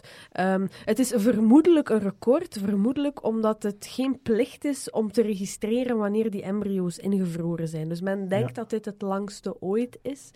Ehm, maar, Zeg maar, als zo'n eicel bevrucht wordt, Mhm. hoe snel zit je dan aan je celdeling? Is dat echt één, een bevruchte eicel die ingevroren is? Nee, Of ik een denk dat combinatie het, oh, van... dat is een oh, goede vraag. Op het 8 of 16 of 32-cellige stadium, ik Ah, weet ja. niet. Of op dag 4 of 5, ik zou het moeten nakijken. Maar dus wanneer... op dat moment, dat is nog niemand. Hè. Dat is een propje Nee. celletje. En dat is een beetje ook wat, waar het hier over gaat. Hè. Dat is in heel veel media opgepikt, alsof dat, dat kind al 25 jaar iets is, of al Hmm. 25 jaar Ja. leeft. Maar dat is altijd die moeilijkheid. Waar ligt die grens? Allee, voor mij veel later, maar voor anderen, zoals die organisatie natuurlijk dan al, van dit is al een wezentje, we mogen Ja. dat niet vernietigen. Dus daar gaat het inderdaad ook altijd een beetje om. Hè. Dat is, ik vind dat geweldig boeiende materie, want je, zou, je zou bijvoorbeeld kunnen zeggen, nu die techniek er is, dat ehm, ja, als, dat, als dat kind nu rondloopt, dat hij denkt van, wauw, normaal leefde ik nu in 1995. Ja. Maar de vraag is ook, is dat wel zo? Want was dat wel dezelfde persoon geweest als uw bewustzijn pas later gecreëerd wordt? Zijn er dan wel dezelfde persoon of zijn er gewoon een tweelingbroer of zus Ja, van iemand die eh, toen zou geleefd hebben? Ik vraag mij ook af, dus dat wordt dan... Het zal, het zal een heel complex gebeuren zijn, maar ik stel het mij simpel voor. Dus dat wordt ontvrozen. Dat is niet een trein die dat plots terug vertrekt. Hè. Dat, dat heeft een hoop stimulansen nodig, waarschijnlijk. Of begint dat zijn eigen te... Ik, weet- eh, dat, is, oh, dat is iets voor de fertiliteitsgeneeskundigen. ik weet het niet. Daar, Eh, moet van, daar zal waarschijnlijk van alles tegenaan gegooid moeten worden. Qua omstandigheden en qua stimulansen. En, Oeh, een, een, een, een proefbus. Een Mhm. proefbusbaby in, die Mhm. een- in die eerste fases, dus één cel, twee cellen, Mhm. vier enzovoort enzovoort, waar, in welke omgeving ligt dat?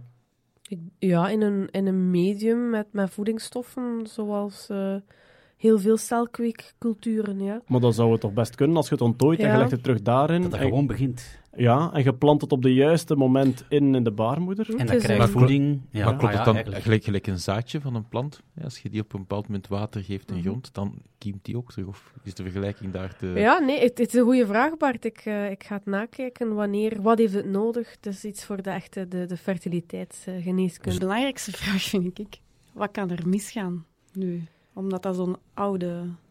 Dat iemand dat laat vallen. Nee, maar... Mm. Ja, Of is het gewoon van als het wordt ingeplant en het, en, en het verloopt allemaal goed en de bevalling loopt goed, dan is, het sowieso, is er sowieso niks aan het handje.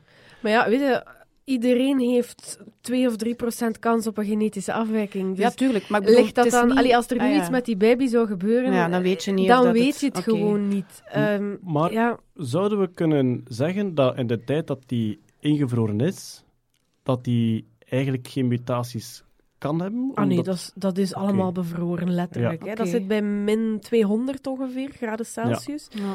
Waardoor dat er ook geen ijskristallen gevormd worden tijdens het invriezen, waardoor dat die schade zeer, zeer beperkt is. Dat is een beetje... En ook, ja, Ehm. je zit, je zit in een zodanig vroeg stadium Mm. dat als er iets kapot is of niet marcheert, Dat, gaat het niet... dat hem gewoon niet zo Ja. ontwikkelen. Ja, nee, er zijn er inderdaad drie teruggeplaatst bij die vrouw, waarvan dat er nu eentje als baby geboren is. Dus inderdaad, mocht er schade zijn, of mocht dat om een of andere reden dan niet pakken, dan, eh, ja, Ja. dan wordt dat weg, weggeselecteerd. Ja. Oké, maar eh, boeiend, boeiend. Ja, dus 23 jaar geleden verwekt. En ja, dus je kunt technisch gezien, als jij graag hebt dat je kinderen in de verre toekomst leven, zouden kunnen zeggen.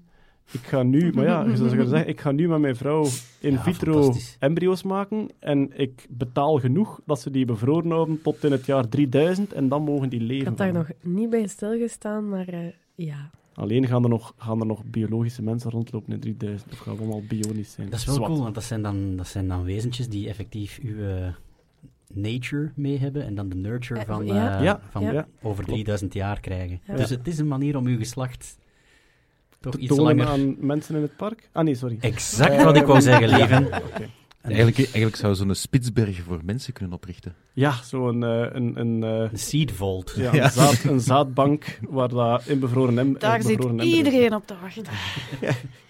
Ja, en dan kun je hetzelfde doen met, maar ja, met maar je, kunt, je, klonen. kunt dat, je kunt dat in een capsule naar Mars en Ja, dergelijke je gaan er al sturen, in eentje plaats van mensen te gaan sturen. Maar je kunt, je kunt dat ook doen met je eigen kloon en zeggen van ik wil dat mijn kloon leeft in het jaar 3000. Hè. Hmm. Zwat, we zullen wel zien. We gaan Trump niet op ideeën brengen. Wat hadden we nog staan? Eh, Ray Kurzweil verwacht de Singularity tegen 2045. Dit is eh, Chinees voor mij. Ja, welke, Ray- welke singularity van alle singularities? Ah, dankjewel Bart. Dat is Goed exact de vraag die ik ging stellen. Nerdpunten verwacht.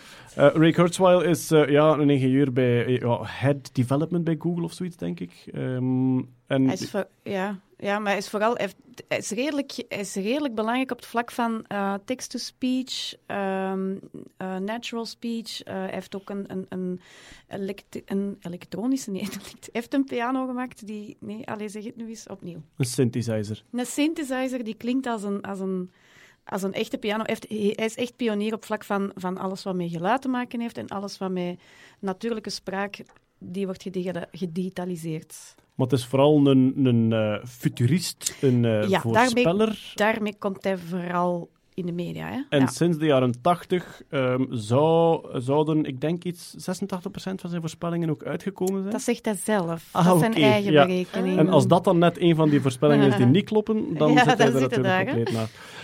Eh, maar, ehm, ja, hij had het dus over de singularity. Het is een term die heel vaak valt en die meestal gaat over het moment dat machines slimmer worden dan de mens. Maar laat ons beginnen met eh, het woord singulariteit in zijn algemene vorm eventjes te bekijken. Singulariteit is eigenlijk iets wiskundig. En is, je hebt een bepaald proces en op een bepaald moment een van de variabelen in dat proces Wordt oneindig groot. ja, nul of oneindig, Nul of oneindig, of doet ja. iets gek.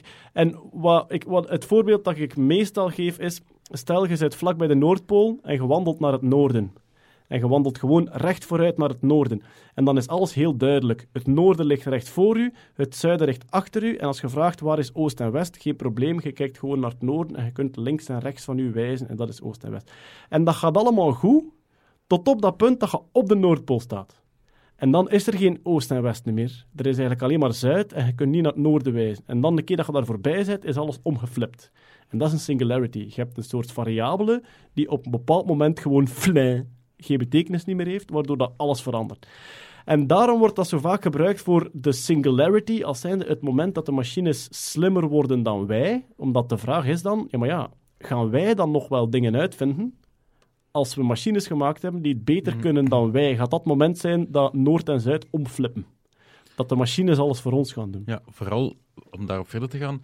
Wat dat wel aangenomen wordt, is van stel, want het is nog altijd niet zeker dat we daar gaan geraken natuurlijk, maar stel dat er op een bepaald moment een artificieel intelligent systeem dan gemaakt wordt, wat dat human-like is, dus eigenlijk de mens eh, gelijk is aan de mens, ehm, dat eigenlijk in heel de evolutie van de ontwikkeling van artificiële intelligentie wordt er wel aangenomen dat dat punt echt een, een fractie van een seconde maar gaat duren, omdat vanaf dan de machines het volledig gaan overnemen, omdat ze dan zelf zo slim zijn.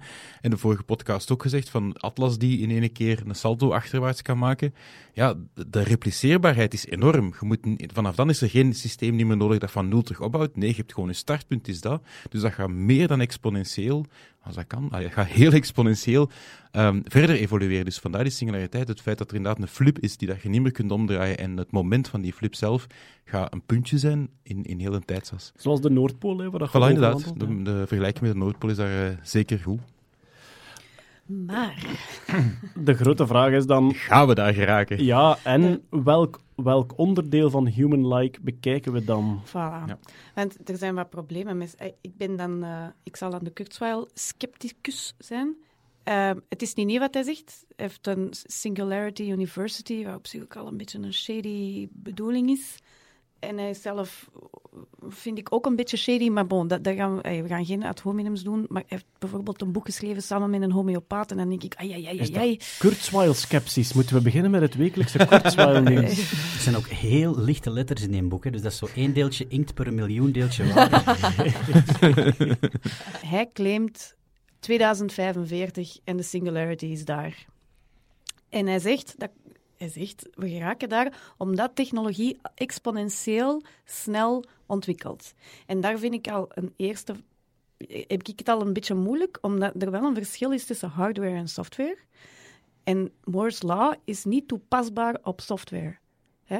Het gaat niet over... Nee, dat, als je zegt een superintelligent en superhuman intelligence, je kunt dat wel zeggen van ja, hè, we, we, moeten dan maar die microchips nog kleiner maken en dan gaan we 3D-chips maken en, en, en zo verder. Maar de software moet ook wel geschreven worden. Ja, maar ook, ook berekenmethodes, zoals dat Marianne hier vertelt, dat nieuwe soorten chips die andere dingen beter kunnen dan de vorige, de manier waarop dat ze samenwerken en ja, de, de artificial intelligence en de patroonherkenning Mhm. is wel iets wat als softwarematig vooruit gaat. Of dat, of Ja, dat echt als je volgens kijkt een bijvoorbeeld, soort als je kijkt bijvoorbeeld naar. Google, naar Google die met heel veel met artificiële intelligentie bezig is. Oké, nog allemaal op een machinaal niveau natuurlijk. Maar waarbij dat artificiële intelligentie nu zelf artificiële intelligentie begint te schrijven en zelf die software begint te schrijven. Dus daar merk je al een zekere exponentialiteit. En big data, hè. Big Oké, maar, ook voor- oké, maar je kunt maar superhuman intelligence sch- software schrijven als je weet hoe dat menselijke cognitie werkt. En dat weten we langs geen kanten. Maar dat klopt. En dat is, dat is heel het probleem met human-like. En Mhm. daar, daar is ook een term voor, en dat gaat dan over de definitie van artificiële intelligentie. En volgens de sceptici wordt de definitie van artificiële intelligentie altijd afgemeten aan wat een computer kan. Ja. Namelijk, oeh, we hebben een computer leren schaken, dat is wel heel intelligent. Ja. Oeh, we hebben een computer Go leren spelen, dat Mhm. is wel heel intelligent. Maar die computers die kunnen alleen maar dat. En die zijn niet in staat om originele gedachten te creëren. Die zijn niet Daar in zijn we staat... nog niet. Ja. Nog niet, Dus, hè? dus een- ben, ik ben nee, ermee, ik ben de, ermee vraag eens. is, de vraag is, kunt je dat maken zonder te weten hoe dat human intelligence Maar, maar, werkt. maar zonder, zonder, te weten, zonder te weten, denk ik niet. En dat is het Aha. ding. Ik denk dat, ik denk dat heel, als we nu eh, human intelligence of, of bewustzijn, ja, singulariteit tot, een, tot het bewustzijn bijvoorbeeld, dat, dat stukje Hmm. was, was zo. het Want dat is nog iets anders Ja, ja, van- natuurlijk. Hè? ja, maar in, in, in een van de definities is Het dat wel hetgeen- impliceert een human inte- Ja, superhuman intelligence. Intelligence voilà, impliceert om het, om, het, om het met de vraag die constant in Westworld ges- gestel- gesteld wordt aan de robots daar is, even, have you ever questioned the nature of your reality? Hmm. Dat is de kernvraag waarop dat ze Hmm. testen of dat die robotten niet te ver zijn in het ontwikkelen van hun bewustzijn. Zonder spoilers te willen geven om Mhm. Westworld te kijken trouwens, ook een hele coole reeks. Ehm, eh, wat dat, er, zijn, er zijn een aantal strekkingen daar rond. Hè. Je, hebt, je hebt de materialisten. Dat heeft niks met economisch of sociaal materialisme te maken. Het heeft te maken met het geloof dat alles tot tastbare dingen zijn terug te brengen. Ja. Ehm, waar dat heel veel mensen in geloven. Mhm. En als dat klopt, Hmm. eh, ik weet dat niet, maar ik denk dat dat, ik voel daar wel iets voor. Als dat klopt, dat wil dat zeggen dat, dat eigenlijk alles wat dan bewustzijn is, terug te brengen is tot een hele ingewikkelde puzzel van Mhm. atomen en moleculen.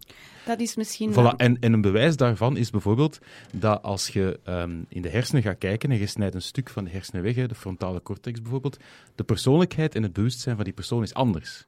Dus er is wel mogelijkheden dat er wel een link is tussen een materieel aanwezig zijn van iets en het bewustzijn dat eruit voortkomt. Als het dat is, dan is dat een hele grote puzzel die te kraken is. Net zoals DNA, een Mm. hele complexe puzzel is die te kraken is, waarbij Mhm. dat DNA een link is, hè, want je je start met DNA, je voegt daar allemaal moleculen aan toe en dat wordt een mens. Met een bewustzijn. Dus een graad van complexiteit, ja. Ja. Ja, En dan denk ik van, als je dan kijkt naar een exponentiële evolutie van ehm, software en dergelijke, en, en artificiële intelligentie en big data, die daar gewoon veel efficiënter en nog meer die code gaat kraken, dan denk ik dat je op een bepaald punt die code gekraakt hebt. Oké, nu misschien zat ik ernaast met mijn Moore's Law. Ik dacht dat er echt een, een dat Moore's Law enkel ging over eh, processing power. Hè? Ik denk dat die daarvoor opgesteld Ja, is. Moore's Law is eigenlijk dat om de anderhalf jaar verdubbelt de rekenkracht. Ja, maar gaat dat dan ook over, geldt dat dan ook voor software? Ah ja, daar- want als je grote maar- rekenkracht... Maar wacht, wa- Ja. los van die software, wetenschappelijk, onder, mm, eh, life sciences werken wel zo niet. Hè? Als het gaat over neurologie, als het gaat over kankeronderzoek, dat is niet exponentieel. Hè? Maar dus Dus- hebt het vooral over zijn voorspelling van één jaartal op basis van een soort wiskunde die hij niet kan toepassen volgens u op Ja. eh, artificial intelligence. Dat is één. En ik vind het very lame om te gaan zeggen van, eh, ja, maar ja, alles is materieel, dus we gaan daar wel achter komen. Ja, sorry, maar heel de neurowetenschappen community, die staat op haar achterste poten als die dat hoort, want die zeggen van, ja, maar wij weten nog niet eens hoe dat data wordt overgebracht van het ene neuron naar het andere neuron. En jij zegt van, ja, exponentieel... eh, ik denk persoonlijk dat de meeste neurowetenschappers het er nog mee eens zijn dat het een materieel-energetische puzzel is van hoge complexiteit. Ja, maar, ja, maar niet dat we dat tegen 2045 gaan oplossen. Hè. Dat Laat staan dat, Dat we... dat is waar. Dat, dat, dat, Dat is kan. in alle toekomstvoorspellingen is dat Hm. altijd het moeilijkste is van wanneer gaat het er Is zijn. het vreemd om te denken dat die superhuman intelligent robots gaan oplossen wat wij niet kunnen oplossen? Dat is de bedoeling, hè? Maar dat is... Dat is zoals hoe ons brein maar in dat is, dat, is elkaar exact, zit. dat is exact hetgeen wat je zegt. Als je verder leest en bijvoorbeeld een, een, ehm, een, langs de ene kant neuroscientist, maar ook een wiskundige, namelijk Donald Hoffman, moet je allemaal een keer googlen, zijn TED-talk is wel heel cool ook.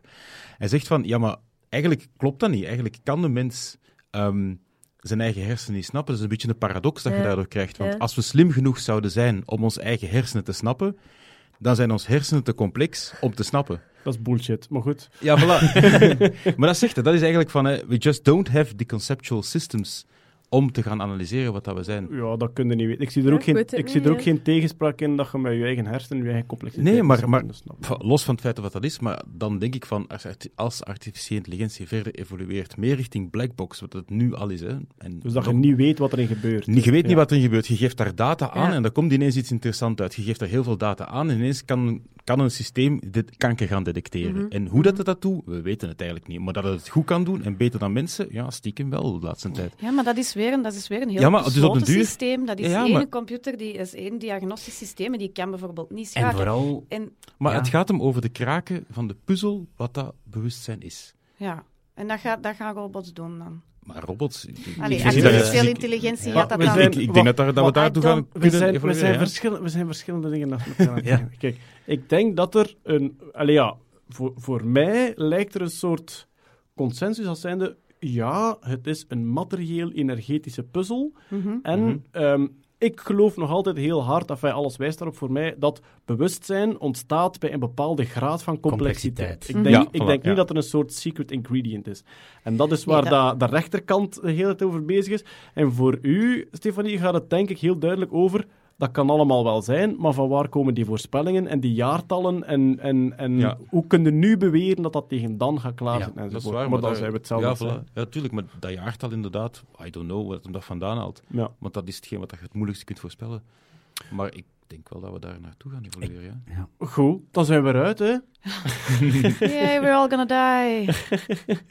We hadden nog één klein nieuwsje over artificial intelligence van dit moment. Hè, want eh, ja, het kan steeds meer.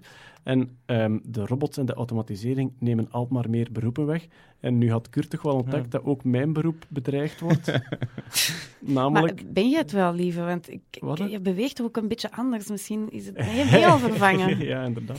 ik denk dat Ehm, vooral robots en, robots en eh, automatisering, dat die binnenkort onze liefdesliedjes gaan schrijven, zodat wij niet meer met emoties hoeven bezig te zijn. Een, een droombard. Ja. Ik heb echt te veel Black Mirror gekeken. Eh, maar dus, eh, eh, ja, bij Basta hebben wij een tijdje gescambait. Dus zo Right. scammers aan het lijntje houden. En wat blijkt, eh, heeft uh, stuurde Kurt door, er is een artificial, artificieel intelligent systeem waar dat je je spammails naartoe stuurt en Ja. die houdt die mannen zo lang mogelijk aan het Ja, uw scammails, hè, dus het feit van de, de Nigeriaan die u een erfenis beloofd heeft, maar graag eerst 500 dollar wilt om de kosten en blablabla, die dingen. Ehm, ja, ze hebben eigenlijk een artificieel intelligent systeem, Rescam heet het, rescam.org. Ehm, hebben ze gevoed met heel veel van dat soort scammails en conversaties. En nu kunt je daar eigenlijk, als je een scammail krijgt, kunt je die forwarden naar re, eh, rescam.org. en die doet het werk voor u. En je krijgt dan een link terug en dan kun je de conversatie volgen. Het is een chatbot die gewoon babbelt met internetfraudeurs. Ja. En, en doet hij het goed? Ja, maar hij, Goh. hij- hij is bezig. Hij is bezig. Ik vind vooral de voorbeelden die op de site staan, hij breekt, hij breekt relatief snel af, vind ik. Oh. Maar dat is ook omdat het blijft een bot, dus Ja. dat heb je nog altijd door Hij na een stuurt, hij tijdje. stuurt geen foto's van, van schaduwen van penissen en zo. van die dingen. Ah, nee. Dat moeten we misschien eens naar de makers Maar ja, langs de andere kant, misschien is dat gewoon een botgevecht. Want die scammers, die gaan ook bots hebben. Ik kan me niet voorstellen de dat die eerste alles fase, manueel... de eerste, want ja, we hebben dat dus een tijdje gedaan. En je merkt, de eerste fase zijn ze on-script. Ehm, en dat is, ehm, in, in landen waar veel scambeaters actief zijn, zijn er dus mensen die scenario's verkopen. En die gewoon zeggen van, kijk, je koopt, een paar duizend e-mailadressen. En hier koopte van mij een scenario. Dit zijn de eerste vijf e-mails die je stuurt. Dus je stuurt dat, dat eerste tekstje naar een paar duizend man. Die die reageren, sturen dat tweede en dan dat derde. En dan, als ze dan nog bij u zijn, dan gaat het off-script en dan gaat er rechtstreeks mee babbelen. En dan heb je al mooi geselecteerd op de meest goedgelovige, kwetsbare Mm. persoon. Dus dat wordt allemaal verkocht. En dus de eerste fase is on-script. Is niet geautomatiseerd. Ze sturen wel nog fysieke Mm. mails. Eh, en dan zijn de off-script. Ehm, en dan zou die een chatbot daar dus inderdaad mee, eh, die aan het lijntje houden. Natuurlijk, de, de echte menselijke scambaiters, die willen dan de fraudeur zo idioot mogelijke dingen laten doen. En daarvoor moet je naar de website 419eater. Right. Ik denk .com. 419 is de wet ehm, die dat soort fraude verbiedt. Ah, ik dacht dat dat de internationale code was van Nigeria. Ah, nee, ik, denk- ja, ik weet niet. En dan had ik niet moeten Dus- zeggen van, nou, I look stupid. 419-eater, eh, ja, en daar staan dus verslagen op van wat dat ze allemaal ermee eh, gedaan hebben. Mijn favoriet verhaal was eh, Milking the Bull. Oh. Dat was een kerel die zei van ja, ik ben een zeer rijke, weet ik veel, Engelse ehm, veehandelaar en ik heb nieuwe genen nodig om mijn koeien mee te bevruchten uit andere landen. Kunnen jullie mij wat zaad sturen van lokale stieren? Oh no. En dan stuurde hij terug, ik ben wel al bedrogen geweest in het verleden, dus ik wil wel graag beeldmateriaal van de oogst. en dan heeft hij foto's en filmpjes gekregen van vijf man die een stier stond af te trekken. Dus dat, enfin, ja, wat een mooie trofee eigenlijk. Milking the bull. Er was ook een die had een website gemaakt, die had gezegd van ja... ehm, ehm, ik ben eigenlijk beroepscrimineel en we hebben net een bank overvallen, maar onze, onze, ehm, die kluis die wij meegenomen hadden om open te maken, is gepikt. En ik zie dat die net bij u in de buurt zit, maar er zit een GPS-tracker in die ik gekraagd heb. En hier is een website waarop dat je constant kunt zien waar dat die kluis is. Als jij die kunt pakken, krijg je een half miljoen van de buit. En die kerels er beginnen achter rijden. En dus die sturen hem altijd e-mails van ja, ik ben nu in, eh, ja, weet ik veel, ik ben nu in eh, Abu Dhabi en waar is de kluis? En dan zegt hij, ah, ze is net weer bewogen. En dan stuurt hij die ietsje verder en die heeft die 3000 kilometer laten afleggen. Gewoon alle keer achter een puntje laten. Goed, we zijn er door. Het was de eerste van dit jaar. Eh, hij is mooi op tijd. Misschien wordt dat wel een traditie. Dat we mooi op tijd zijn. Dat zal van u afhangen, lieve. Dat klopt helemaal. Ik dank natuurlijk Hetty Helsmoortel. Graag gedaan. Stefanie Degene. Kurt Beheid. Bart van Peer. Voilà. En in de zetel Mattie Murgen. En dank aan jullie voor het luisteren. Tot ziens. Dag. Dag. Ziens.